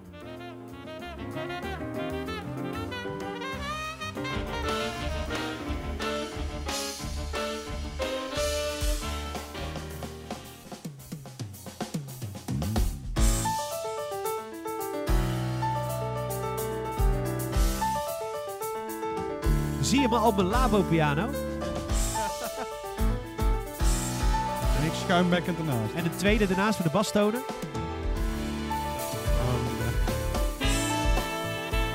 En hoor je ook eh, wat ik met mijn, eh, hoe heet dat ding op mijn been doe? Het eh, windpedaal. Mijn windpedaal. En je knaller. Ja jongens, hij is vorige week verschenen. Battlefield 5 Firestorm, de Battle Royale modus van, eh, van Battlefield 5. En eh, we hebben er lang op gewacht, maar ze schieten nu als paddenstoelen uit de grond. Nou, PlayerUnknown's Battlegrounds, Fortnite. Eh, wat kwam er toen? Blackout, Apex Legends is nu ook Battlefield 5 met een, eh, met een Battle Royale modus gekomen. Ik heb de game gespeeld, jullie gaan mij erover bevragen. Want is dit niet de ultieme Battle Royale modus? Want eh, ja... Nou ja, weet je, als je mij vijf jaar, of nou ja, drie jaar geleden had gevraagd toen ik PlayerUnknown's Battlegrounds verslaafd was, toen zei ik ja, super vet, ik ben verslaafd, ik hou van PUBG. Ah, dit moet natuurlijk eigenlijk Battlefield zijn. Ja? Ja. Hij zegt ja, jij zegt ja? Nee, ik was ook al zo van, ja. Ja, Oh, nee, dat- maar dat- heb, je, dat heb je veel gezegd. En Oh ja, dat hebben we met z'n allen veel gezegd. En met z'n allen bevestigd ook. Ja, want het, dat- klinkt, het, het klinkt als de perfecte combinatie. Het klinkt als een logische rekensom. Zo van, oh ja, oké, Battle Royale mechanics, super vet, adrenaline, nieuwe soort frisse modus. Maar dan gewoon in, een- in een AAA-game. Ik, heb, ik geloof dat we heel vaak die conclusie hebben gemaakt van ja, Battlefield 5, de- of in ieder geval de nieuwe Battlefield. En als die Battle Royale gaan, dan moet het helemaal goed komen. Ik wil eerst even een nieuwe soort van, eh, van waarheid creëren. Eh, stel. een Fake news. Hypothetisch, fake news. Hypothetisch. Battlefield 5 was gelanceerd. En Electronic Arts en DICE hadden hun bek gehouden over Firestorm. En op de dag dat die trailer kwa- uitkwam, die super vette Firestorm trailer, zeiden ze... Over een week is hij hier, of hij is hier nu al. Firestorm. Het is onze Battle Royale. Hoe had dat de launch van deze game anders gemaakt dan dit mosterd na de maaltijd verhaal? Ja, maar dat is vooral het ding, toch? Het is, dat, dit ik gaat vraag niet- me dat dus af. Ik, ik heb het idee dat de game nu zo erg de, de, de, de dupe is van de framing en van hun... Het is hun eigen gekut, hè? Ja, ja. Maar dat, het, dat daardoor Firestorm ook geen kans meer krijgt. Nee, vooral niet na Apex. Maar ik denk niet dat het me uitmaakt of ze wat hadden gezegd of niet. Want de release van Battlefield 5 was sowieso een beetje matig. Met wat erin zit, vind ik. Ja, en, Nee. en, en hoe ze zeiden dat Battle Royale überhaupt erin zou komen, was ook echt best wel Ja, maar voor- ongemakkelijk. Ik, ik denk echt toen die zei van... It's going to be Royale. Royale! Dat, dat echt de eerste keer dat ze ook maar überhaupt zeiden van... Oh, daar komt Battle Royale, we hebben nog niks. Maar Ja, ja, Dat komt er wel er nog niks over laten zien. ja, En zelfs toen de game lanceerde, was het zo van, ja oké, hier is een teaser van, van vuur. ja ehm, zonder enige context. Dus ik ja. denk dat hij dat hij nog net niet ter plekke op op het podium verzon. Maar, maar dit is dus het ding. Dus die, die modus is er dus nu. En de grote vraag vooraf was eigenlijk zo van, gaat dit Battlefield 5 redden? En ehm, ik geloof, jij bent volgens mij best wel oké met, de, met de Firestorm modus. Maar Zo ik ja. hoor van iedereen, de, de, de algehele consensus is tof dit. Maar het gaat nog steeds niet Battlefield 5 redden. Hoe, hoe sta jij daarin? Daar sta ik ook in. Maar ik vraag maar is dat omdat Firestorm zo slecht is of omdat Battlefield 5 zo kut gelanceerd is? Ik denk een combinatie van beide. Ik weet niet hoe Firestorm precies is, maar ik hoor niemand er echt lyrisch over zijn. Nee, maar is niemand er lyrisch over omdat Battlefield is? Of is niemand er lyrisch over omdat het echt een slechte Battle Want dat is het namelijk niet. Nee, het is niet Het slecht, is- maar ik nee. bedoel, je hebt gratis, heb je Apex en die is briljant. Nee, ja. ja. Ja, Ja. is Maar anders, is een andere is soort Battle een andere Royale. Battle Ja, snap is ik, een maar is kleinere wel... Battle Royale. Dit is echt de grootste Battle Royale die je kunt spelen. En ze doen echt heel erg veel nieuws. Voor 60 euro. Damn, is dit, zijn we nu zover? Zijn we nu echt... Ben jij nu de Fortnite-generatie geworden die Nee, zegt... maar ik denk het Een ook. game kost 60 euro. Nee, maar ik bedoel, PUBG is- was 20 en nu 30. ja, er zijn ook free-to-play games die niks kosten. Maar Apex Legends, die Apex. Legends, ja, Ja. Dat snap ik wel. Maar oké, maar is Er dit is- de reden waarom je Red Dead Redemption 2 nu ook te duur vindt? Eh, nee, als vind, dit het vind is- Nee, maar ik bedoel, nooit eens Battle- gezegd dat hij... Battle- Nee, nee, maar bedoel, als voorbeeld. Ik bedoel, heel veel games kosten 60 euro. maar ik het is niet dat je alleen maar Firestorm krijgt voor die nee, 60 nee, nee, euro. I know. Maar de, die, dat andere gedeelte van die 60 euro, die andere, andere gedeelte van Battlefield 5 is ook niet gigantisch vernieuwend of vet. Sowieso niet vernieuwend. Kijk, Nee, nee, nee. Eh, Battlefield 5 is misschien een beetje passé. En ze komen ook wel heel erg laat op het Battle Royale eh, trein natuurlijk nu. Dus het voelt allemaal een beetje alsof het... Kijk, het voelt allemaal zo net niet. Er zijn mensen die Battle Royale gewoon... Die willen gewoon Battle Royale spelen. En de rest van de game maakt zich geen fuck uit. Ik Oké, ken heel dus veel mensen ja, die Blackout, Blackout echt fantastisch vinden. Ja, die verkopen ze nu ook los trouwens. Nou, nog waarschijnlijk niet. Maar hij is, hij, is de, gratis. hij is deze maand is hij free-to-play. Ja. Alleen de Blackout eh, Dat is versie. om te testen, hè. Dus op de Ja, testen. die En gaat die sowieso 100% gaat dat loskomen. Maar dat is ook... Ik, althans, ik heb het heel veel gespeeld. Ik vind dat ook echt een briljante Battle Royale. Maar het loopt niet zo goed qua verkopen. Omdat je ook nog de rest van het spel erbij krijgt. Wat heel veel mensen denken van... Ja, maar ik zit eigenlijk alleen maar op, op Battle Royale te wachten. Het is voor de klant fantastisch. Want eh, zou dit betekenen dat Firestorm straks ook gratis is? Of gratis... Ik denk Ze kunnen dat twee dingen Apex, doen. Apex heeft een beetje een soort van nieuwe trend Ja, geïntroduceerd. Je had het net over Dus- geluk. En ik denk dat met Firestorm precies hetzelfde was geweest. Ik denk als Apex niet was uitgekomen... dat Firestorm veel enthousiaster zou worden eh, eh, aangemoedigd. Ja, dat weet. Maar Dat om meerdere dingen. moeten zijn. Om meerdere dingen. Ah, ook free-to-play moeten zijn. Maar Apex heeft iets revolutionairs gedaan. En dat is dat ping-systeem. Wat echt ontzettend goed werkt. Waardoor in één keer alle andere Battle Royales best wel gedateerd voelen. Want ik ging eh, laatst weer van Apex naar Blackout. En dan wil ik dan iets gaan pingen. God, dat werkt helemaal niet, joh. Moet ik daadwerkelijk gaan praten tegen Ja, mijn Maar ik wou net zeggen, je kan het op een vriend spelen. Nee, maar, maar, maar ik bedoel meer, dat het gemak wat je, wat je krijgt bij Apex, vind je nergens anders. Ik kan nou Apex opstarten in mijn eentje. Ik kan met twee vreemden spelen en ik kan gewoon winnen. Dat is bij de rest niet zo. Je moet eens een vriend bij, vriendengroep bij elkaar krijgen. Je moet eerst eh, Oké, timen dat iedereen kan. Oké, Maar dat, dat, dat is een Dus enorme ik selling geef point. je dat. Apex Legends is fantastisch. Ik zal dat nooit ontkennen. Ik, het is, ik heb een paar potjes gespeeld. Het is niet mijn game, maar ik zal het nooit ontkennen. Iedereen vindt het geweldig. Geloof jullie allemaal. Zullen we even op Firestorm gaan? Ja, ik ben nu eigenlijk wel benieuwd van hoe, hoe speelt het nou precies? Ja, want ik was... eh, het is echt... Het, het- eh, voor een deel is het gewoon echt Player Unknown's Battlegrounds geworden. Maar dan... PlayerUnknown's Battlefield. wow, nice. Eh, het is heel erg een PUBG-achtige game. Het is de grootste map die ze ooit hebben gemaakt, maar je zal nooit de hele map bespelen. Want je zit maar met 64 spelers in de map. Ehm, dat vind ik trouwens wel raar, dat ze dat niet gewoon naar 100 hebben gebracht. Waarom dat niet kon. Of, want de, de ruimte is groot genoeg. Eh, je pakt... I guess. Je pakt als het ware eh, drie vierde van de map. Dus ze leggen een cirkel op de map. En de cirkel is letterlijk een vlammenzee. En dat is echt mega vet om te zien Ja, vanuit je vliegtuig. Dat is de beste cirkel, ongeacht welke Ja, ik battle zag het ook in zijn. streams dat op een gegeven moment de cirkel krimpt. En dat je ook echt gewoon gebouwen gewoon de lucht in ziet gaan. Gewoon, Ja, want Ja, de het- hele... het, de, het, het is niet een, een lijntje, het is niet een visual. hij maakt Het alles is- kapot. Het is echt het het maakt is alles destructie. kapot. Dus het is dat destructie. ja, het is maar het is zo mooi als je met je vliegtuig overvliegt en dat je dan die cirkel al ziet. Als in van, alles erachter is ook verdord natuurlijk. Dus van, oké, wij gaan nu, we weten, we springen. Trouwens, waarom springen we eigenlijk? Je weet dat je doodgaat. Maar goed. Je kunt ook gewoon in het vliegtuig blijven Ja, zitten. precies. Is een beetje de Bombardementen. van, eh, van het spel uitspelen. ja, dan win je altijd. Ja. chicken dinner. Ehm, je springt eruit, je komt, eh, je komt neer en, en je zit in Battlefield 5. En dat betekent volledige destructible eh, omgevingen. Wat ik echt ook heel fijn vind in een Battle Royale game. Ik had Ja. op een gegeven moment een battle, jongen. We kennen allemaal het moment in Player Unknowns dat je buiten twee mensen hoort en jij in je uppie bent. Ja, En je denkt, what the fuck? Dus ik verstop mij in het toilet. Geluid is net zo belangrijk als in PUBG. En waarschijnlijk hebben zij gehoord in welk deel van het huis ik zat. Dus ik heel erg instinctief, zoals ik Player Knows Battleground zou doen, met een shotgun op het toilet richten op de deur, knalt, knalt de muur achter me kapot. schiet ze de hele zijkant van het kuthuis neer.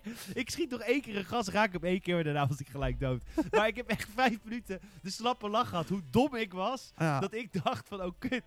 dat Het wel hele heel pad vet. gewoon weg. Ja, ik denk echt Super vet. dat die, die, die vuurzee en die destruction is echt wat dit zijn eigen gezicht geeft en het Battlefield gezicht geeft. Eh, maar maar waar- waarom zijn mensen dan nou niet helemaal lijp hiervoor aan het gaan? Kom ik straks wat- op. Eh. Wat het is, eh, is je hebt, eh, je hebt drie soorten wapens en drie soorten kogels. Je hebt eh map, eh, packs, eh, rugzakken, je hebt eh, bepansering.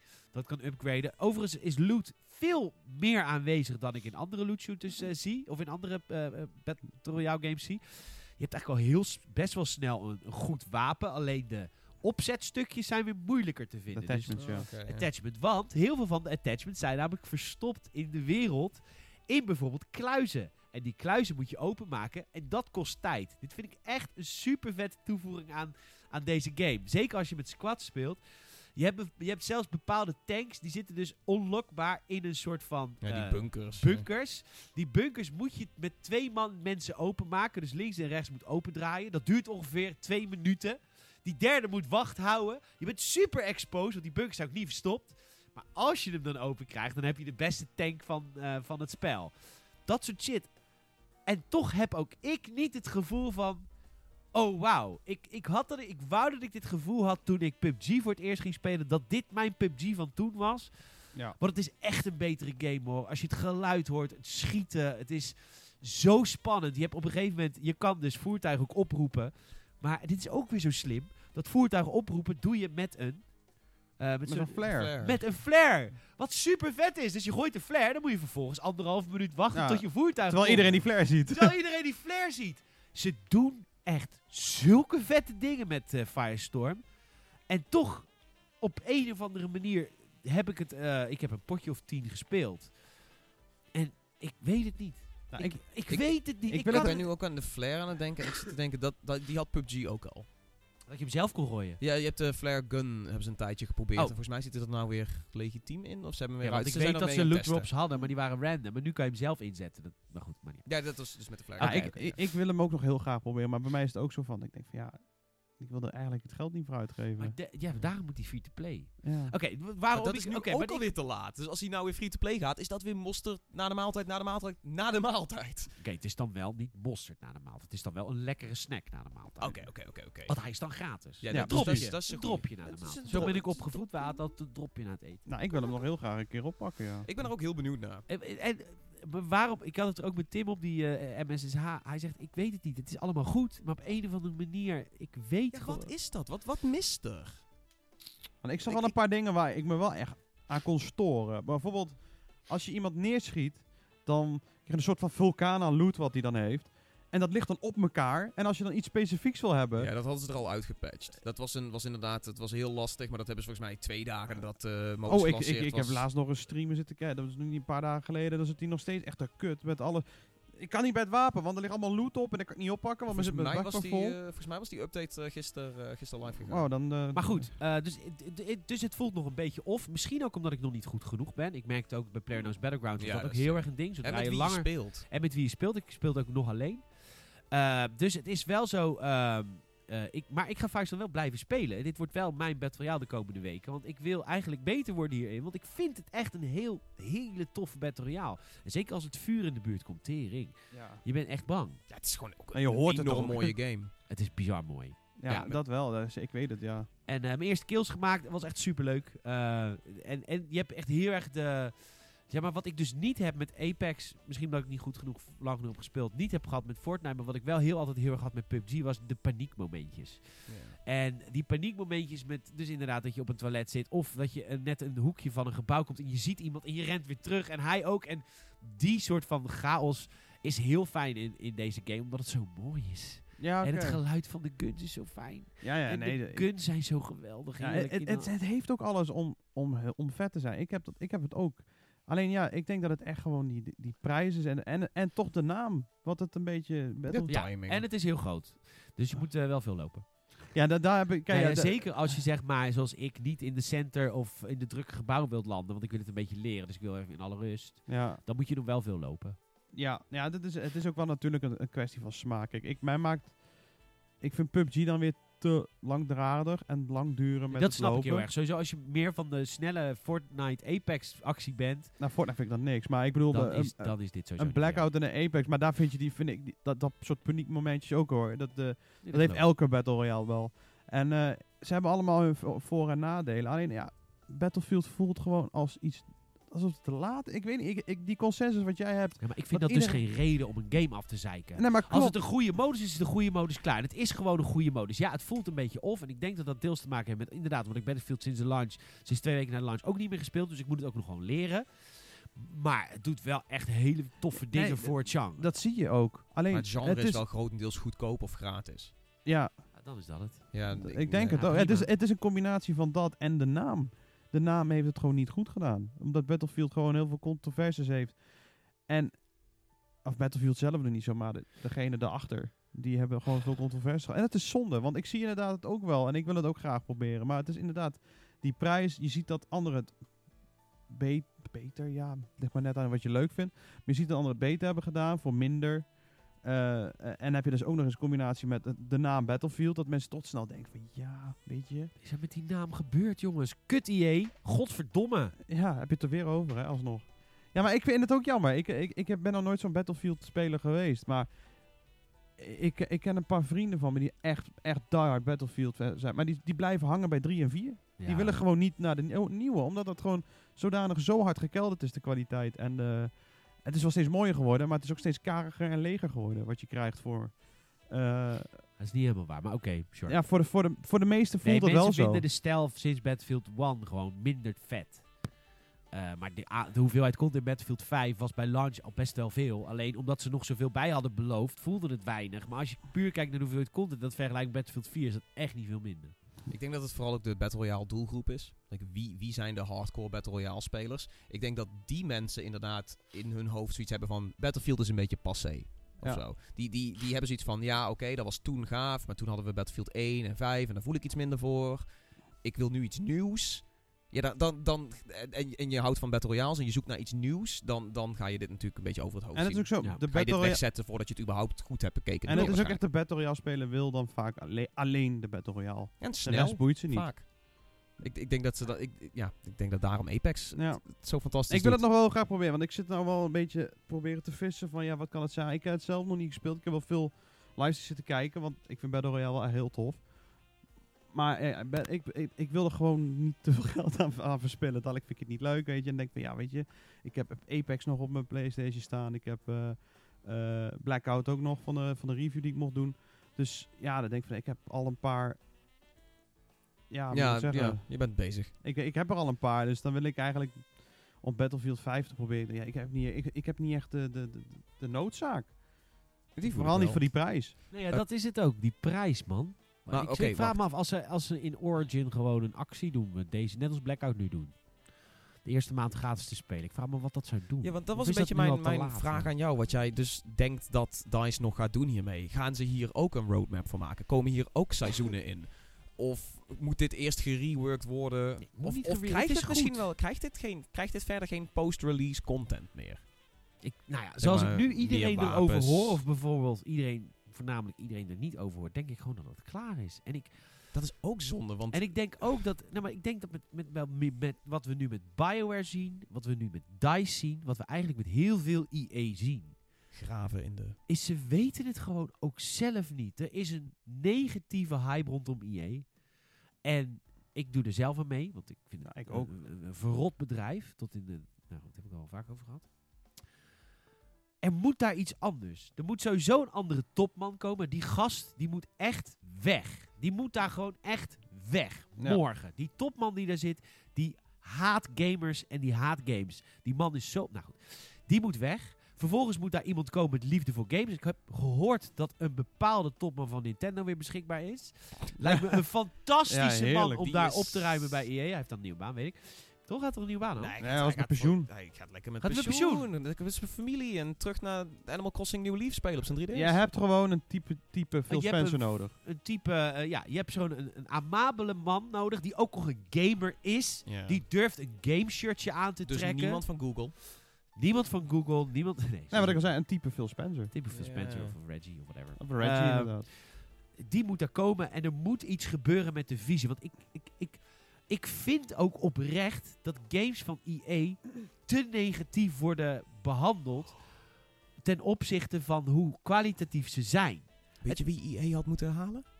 Jade Raymond. Jade Raymond. Dat Zo was, dat ja, was, dat nou- was ja, precies nou zo'n gezicht ja. geweest Ja, waar de gamer voor zoiets heeft van... Oh ja, oké, dan... you've got my attention, Nou, weet je wel? Je hebt mijn broek op mijn knieën. Nee, dat Ja, ook. ook maar, dat. eh, nee, maar dat is wat EA nodig heeft. Vervolgens moeten ze terug naar de tekentafel met heel veel van hun franchises.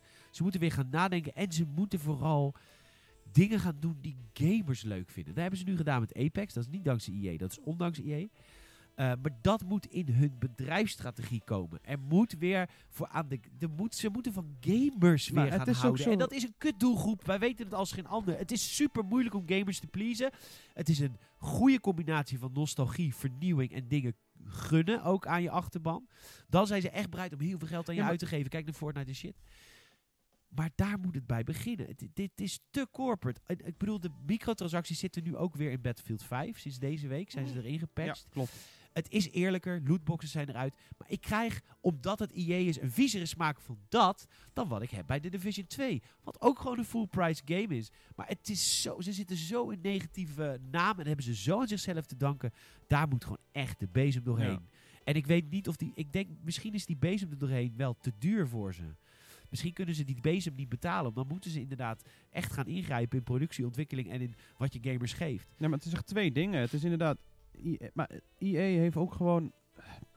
De studios eromheen, die, die zijn alle motivatie kwijt. Een, een, een geniale DICE, een geniale BioWare, die zijn allebei aan het afglijden. Je hebt Respawn die dan enigszins nog overeind weet te blijven. Maar die vallen dan weer eh, tegen omdat EA zulke kutbeslissingen maakt om Titanfall 2, wat echt een fantastisch game is, tussen Call of Duty en Battlefield uit te brengen. Terwijl Battlefield ook nog een fucking eigen game is. Dus je zit te concurreren met jezelf. Op dezelfde, in dezelfde week. Plus het feit, wat mij, wat mij gewoon opvalt. Je kan gamers ontzettend veel maken als jij gewoon aan doen, hè, moet ik het zeggen, als je gewoon lovable bent. Ik, ik had het zo net over eh, de, de director van God of War. Dat is echt een helemaal, dat is misschien een van de liefste mannen van de game-industrie. En als je hem dan ziet en je ziet hoeveel liefde hij erin heeft gestoken en het is ook nog eens een kwalitatief goede game, dan gooien ze het geld naar je toen nog net niet de gamers. Die zien dan dat, ze, dat, dat er zoveel tijd en liefde is gestoken in een product en iets wat, wat ze leuk kunnen vinden. En ze identificeren zich ook met de maker van, god, dat is echt een gamer Dat die... is waar, al moet ik wel zeggen. Hoeveel procent van de mensen die God of War hebben gekocht, weten die man? Ja, maar, Dat is wel maar ja, ook de, studio, maar ook de studio daarachter heeft ook gewoon een goed, eh, goede games gemaakt. Die hebben nooit eh, in een controverse gestaan, Santa Monica. Die hebben, die, die, die hebben altijd gepresteerd. En als, als je een paar keer niet hebt gepresteerd, dan moet je je eerst weer lovable zien te maken. Dan moet je inderdaad, zo'n Andrew Wilson, die moet je omruilen voor een Phil Spencer. En een Battlefield 6, of hoe ze dat ding gaan noemen, die moet een keer gewoon zonder controverse uitkomen. Laat die microtransactions gewoon even één keer varen. Zorg ervoor dat je weer mensen binnenhaalt. Van joh, wij zijn zo slecht nog Nog net niet. als Assassin's Creed zegt, een jaar niet. Een jaar geen Battlefront, een jaar geen Battlefield, een jaar geen Game van Dice. Dat zou al een hele En daarna Bad Company 3, om het goed te maken. Ja, maar Eh, gewoon, Weet je, of, of maak Beyond. Je Of moet nu, eh, EA Skate en Activision ook in mindere mate, die moeten gewoon weer een, een, een, een, een charme-offensief gaan beginnen. En mensen prikken er gewoon doorheen als jij dezelfde, dezelfde eh, koppen daar nog steeds hebt staan. En Andrew Wilson kan nou niet een, een eh, charme-offensief beginnen. Dat gelooft niemand. Nee, want die man is... En hetzelfde geldt bij Activision. Nou, die andere, hoe heet die? Bobby, eh Bobby, Bobby- Kotick. Bobby Kotick. Met hem als eh, leider, dan kan je een Activision charme offensief, dat geloof je ook niet meer. Dat is gewoon klaar, dat is gewoon verleden tijd. En dan moet je dus zo'n kop hebben als zo'n Cory Barlog van God of War, als een Phil Spencer, Jade Raymond, noem nog een paar van die gasten. De gasten van Rare bijvoorbeeld. Dat zijn ook allemaal lovable guys. En als mensen zich ermee kunnen identificeren, dan kan je echt heel veel maken. Ja. En eh, de Hey, we gamers is er. afgesproken het er niet over te hebben. Nee. maar het is Nee, maar het is eh, gewoon welgemeend advies Nee, naar je. Ja, Want EA ja. die, die heeft ook echt hele goede dingen gedaan. hè. Het Die hebben de het lastig skate om het niet gemaakt. over- Die ja. hebben- Nee, maar daarom zeg ik, skate, Nee, nee, skate nee, maar 4 eh, is charme offensief. oprecht de games van EA worden harder aangepakt dan dat ze kwalitatief zijn vanwege... Ik bedoel, Ja, dan oké, gaat met Bethe- Anthem is wel weer een En Bethesda gaat het nou ook krijgen omdat ze zo geflopt hebben met Fallout 76. Die Omdat ma- die- hun hele charme offensief ligt al voor je. De Elder Scrolls 6. Dus de- Ja. niemand gaat pissig doen over wat Bethesda ook geflikt heeft in het verleden. Als we straks gewoon weer, zeg maar, Skyrim 2 krijgen. Ja, Qua- maar, qua ja, er gaat nu, maar er wordt nu, al, er wordt nu al gehaat op Bethesda omdat ze, omdat ze Elder Scrolls en Starfield niet laten zien op E E3. Ja, dat is, dat ja, is maar nee, preventieve daar heb jij gelijk in. Eh, dat heb je gelijk in. De Elder Scrolls 6 wordt, eh, wordt prima. Ik bedoel, eh EA heeft gewoon niet zo'n game. In hun portfolio die ze altijd kunnen uitbrengen, dat is altijd een win. Alleen het wordt wel voor Bethesda moeilijker voor, niet voor die Elder Scrolls 6, maar ja, dat duurt nog even. Het wordt voor Bethesda wel moeilijker om straks een nieuwe Fallout te maken. Het wordt Oh, ja. voor Bethesda wel moeilijker nu met de release van Rage 2. Weet je, er zijn toch mensen die daar, die daar nu twijfels over hebben vanwege dat gekut En het- Ja, dat is allemaal image. En ergens dat... imago is heel erg Ja, belangrijk. En vooral bij gamers, dat merk, je, dat merk je echt. Ik merk dat bij heel veel vrienden van me. Je ziet het ook op... Vooral bij de hardcore gamers. Weet je, de mainstream gamer die, die ziet Nee, gewoon iets in de winkel Nee, maar de het, hardcore gamer, die, die, die, die vindt het echt lekker om zich te kunnen is wel je identificeren. basis, Ja, ja, zeker, ja. En dat zijn de basis. En als die met iets bij... Dat zijn ook de, de meest vocale gamers, om maar zo te zeggen. Die weten hoe een Reddit werkt. Die weten hoe... eh, eh, eigenlijk alles technisch werkt. En die het zijn de, de opiniemakers binnen de familie voor de af en toe gamende oom of gamende precies. kleine neefje. En, en zij zorgen ervoor dat het... In, in principe zorgen zij ervoor dat het internet vol zit met goede dan wel slechte impressies. EA bad. Exact. Daar, daar wordt op gegoogeld door mensen die niet gamen en nou, zo werkt het wel. Je moet die hardcore doelgroep wel hebben. En precies. En die, en die zijn heel erg makkelijk te beïnvloeden als jij... Deze zijn niet makkelijk te Nou, niet beïnvloeden, makkelijk, ze maar die prikken overal doorheen. Ja, dat wel. Maar die zijn... Je kunt ze swayen. Je kunt ze, je kunt ze persuaden door inderdaad gewoon ervoor te zorgen dat jij een lovable uitstraling hebt. Als je dat al hebt, heb je al een punt voor bij dat soort ty- types. En, eh, ik, merk, ik ben er zelf ook gevoelig voor. Ik merk het ook. Ja, ik merk ook aan al. eh, Ik zie dat je Cory 25 Balrog eh, cosplay eh, goed gaat. Ja, klopt. Ja, nee. Ja, ik, eh, wel een beetje hetzelfde baardje. ja, nee, Als jij een bril opzet, dan Zo- ben je er toch al bijna, Ja, niet? bijna wel. Nee, ik leek toch meer op die eh, van, Ik zie eh, je, je van meer op Rising. eh, anti-Il Vueso, ja. Ja. Trials Rising! Prius- ja, precies, ja. Nee, maar, We want to create. ja, maar het, het werkt bij mij wel. Ik, ik, ik, heb nou veel- zo, ik, ik kan dan gewoon bijna blind een nieuwe God of War of een nieuwe game, wat hij zal maken als de nieuwe IP. Het is ook blind pre-order, omdat ik weet van ja, hij, hij is het. Hij gaat een loot shooter maken. I don't care, dat zal ik halen. Ja, Loot shooter Battle Royale Game as a Service. Op Epic Games Store. Just saying. I don't care. Ik speel toch op Playstation. Goed, bedankt jongens voor, eh, voor het, eh, het inleiden van het weekend. Yes. Wat een... Gingen we niet met een, met een vrolijke toon erop uit? Ja, dat, Dat is gewoon niet- ik. Kunnen we niet even nog wat leuk nieuws erbij pakken of zo? Gewoon, hey, Borderlands 3 komt er trouwens aan. Borderlands 3 komt er, yay, 13 Hey. september. En vooral, eh, Zo, ik heb daar zin in, joh. Ik heb daar zoveel zin in. Het is echt, eh poeh. Dus Ja, na Destiny misschien, na Destiny en eh, From Software Games is dat denk ik wel de game waar ik de meeste uren heb zitten. in, Borderlands. in Borderlands? Ja. Oké. Eh, nou, Blackout heeft een nieuwe map. Dat is leuk. Alcatraz. en die moet ik proberen. Ik kan nog niet spelen. Man gearresteerd na dreigmail naar Square Enix. Dat is altijd goed Dat is nieuws. leuk nieuws. Ja, er is weer een klootzak van straat af. Ja. Wat goed. nou, Anno, exclusief naar app. Oh, wacht. oh.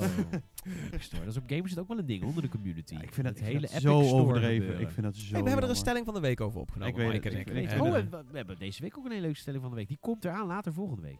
Over Ik was alweer aan het denken, waar ging het ook alweer ja, over? moet Sekiro makkelijk Oh ja, dat was het. krijgen. Jij was of tegen, moet een was moeilijke, ja, gewoon accessibility, jongens. Oh, nog moeilijker. Wees, wees eens wat inclusiever. Nee, ik ga ermee stoppen. Jongens, eh, bedankt eh, voor, het, eh, voor het luisteren deze week weer naar de Gamersnet podcast. Ik dank Amador Prado. Yay! Ik dank Tom Kouwberg. Yay! Ik dank mezelf. Yeah! Oh. Je deed jezelf ook zo stil. ja. We- Ik spiegel alleen maar, hè. ja, je spiegelt alleen maar. Eh, jo, eh, onwijs eh, bedankt voor het luisteren. Leuk dat je geluisterd hebt. Mocht je vriendje, vriendjes of vriendinnetjes hebben die van videogames houden en van podcasts. Je kan ons luisteren via Soundcloud, via iTunes en natuurlijk via Spotify. En elke vrijdag op gamerset.nl. Nog laatste huishoudelijke mededeling. Wil je kans maken op Sekiro Shadow Die Twice? Ga naar gamerset.nl slash nieuwsbrief. Meld je aan, krijg je elke maand een superleuke samenvatting van de week in games. En eh, volg ons sowieso overal. Facebook, Twitter, YouTube, Instagram. En alle gaming platforms of choice. Discord, Steam. Nou, ja, kijk Epic. maar. Oh nee. Epic, hebben we een Epic Store? Nee, dat kan nog denk ik niet, hè? nee. Oh. Ik heb nog niet eens een winkelwagen, joh. hebben nog niet eens een winkelwagen. Je kan wel heel veel dingen exclusief kopen, maar betalen, hoe de fuck? Eh, we gaan eruit voor deze week. Eh, mocht je ons willen mailen, net als Niels heeft gedaan, dat kan gewoon naar peter.games.nl of tom.games.nl of podcast.games.nl. Kijk maar wat je doet. Maar bedankt. Tot later. Fijn weekend.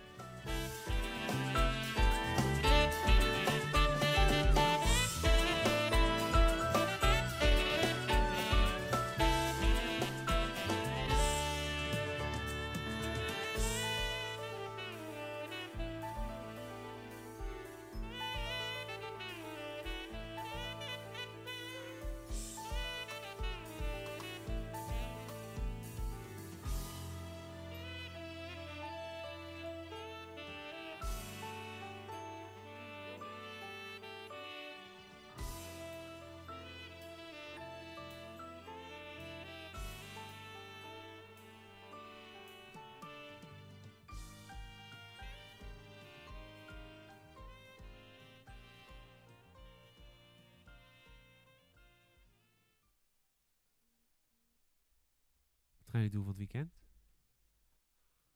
Eh, bier drinken. Bier drinken. Ik, eh, ik moet langs mijn oma. Dat is ook bier drinken. Hey. Eh, onze oma, oma k- komt uit Brabant. Ja, die heeft gewoon de bafjes eh, koud staan in de koelkast. Pafjes. Bavaria, denk ik. Oh.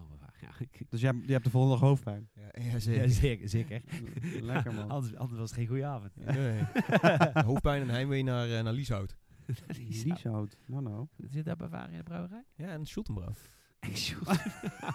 Om ze Oh, over een dat verklaart alles meteen. Ja. Schultenbrouw is een aanmerk.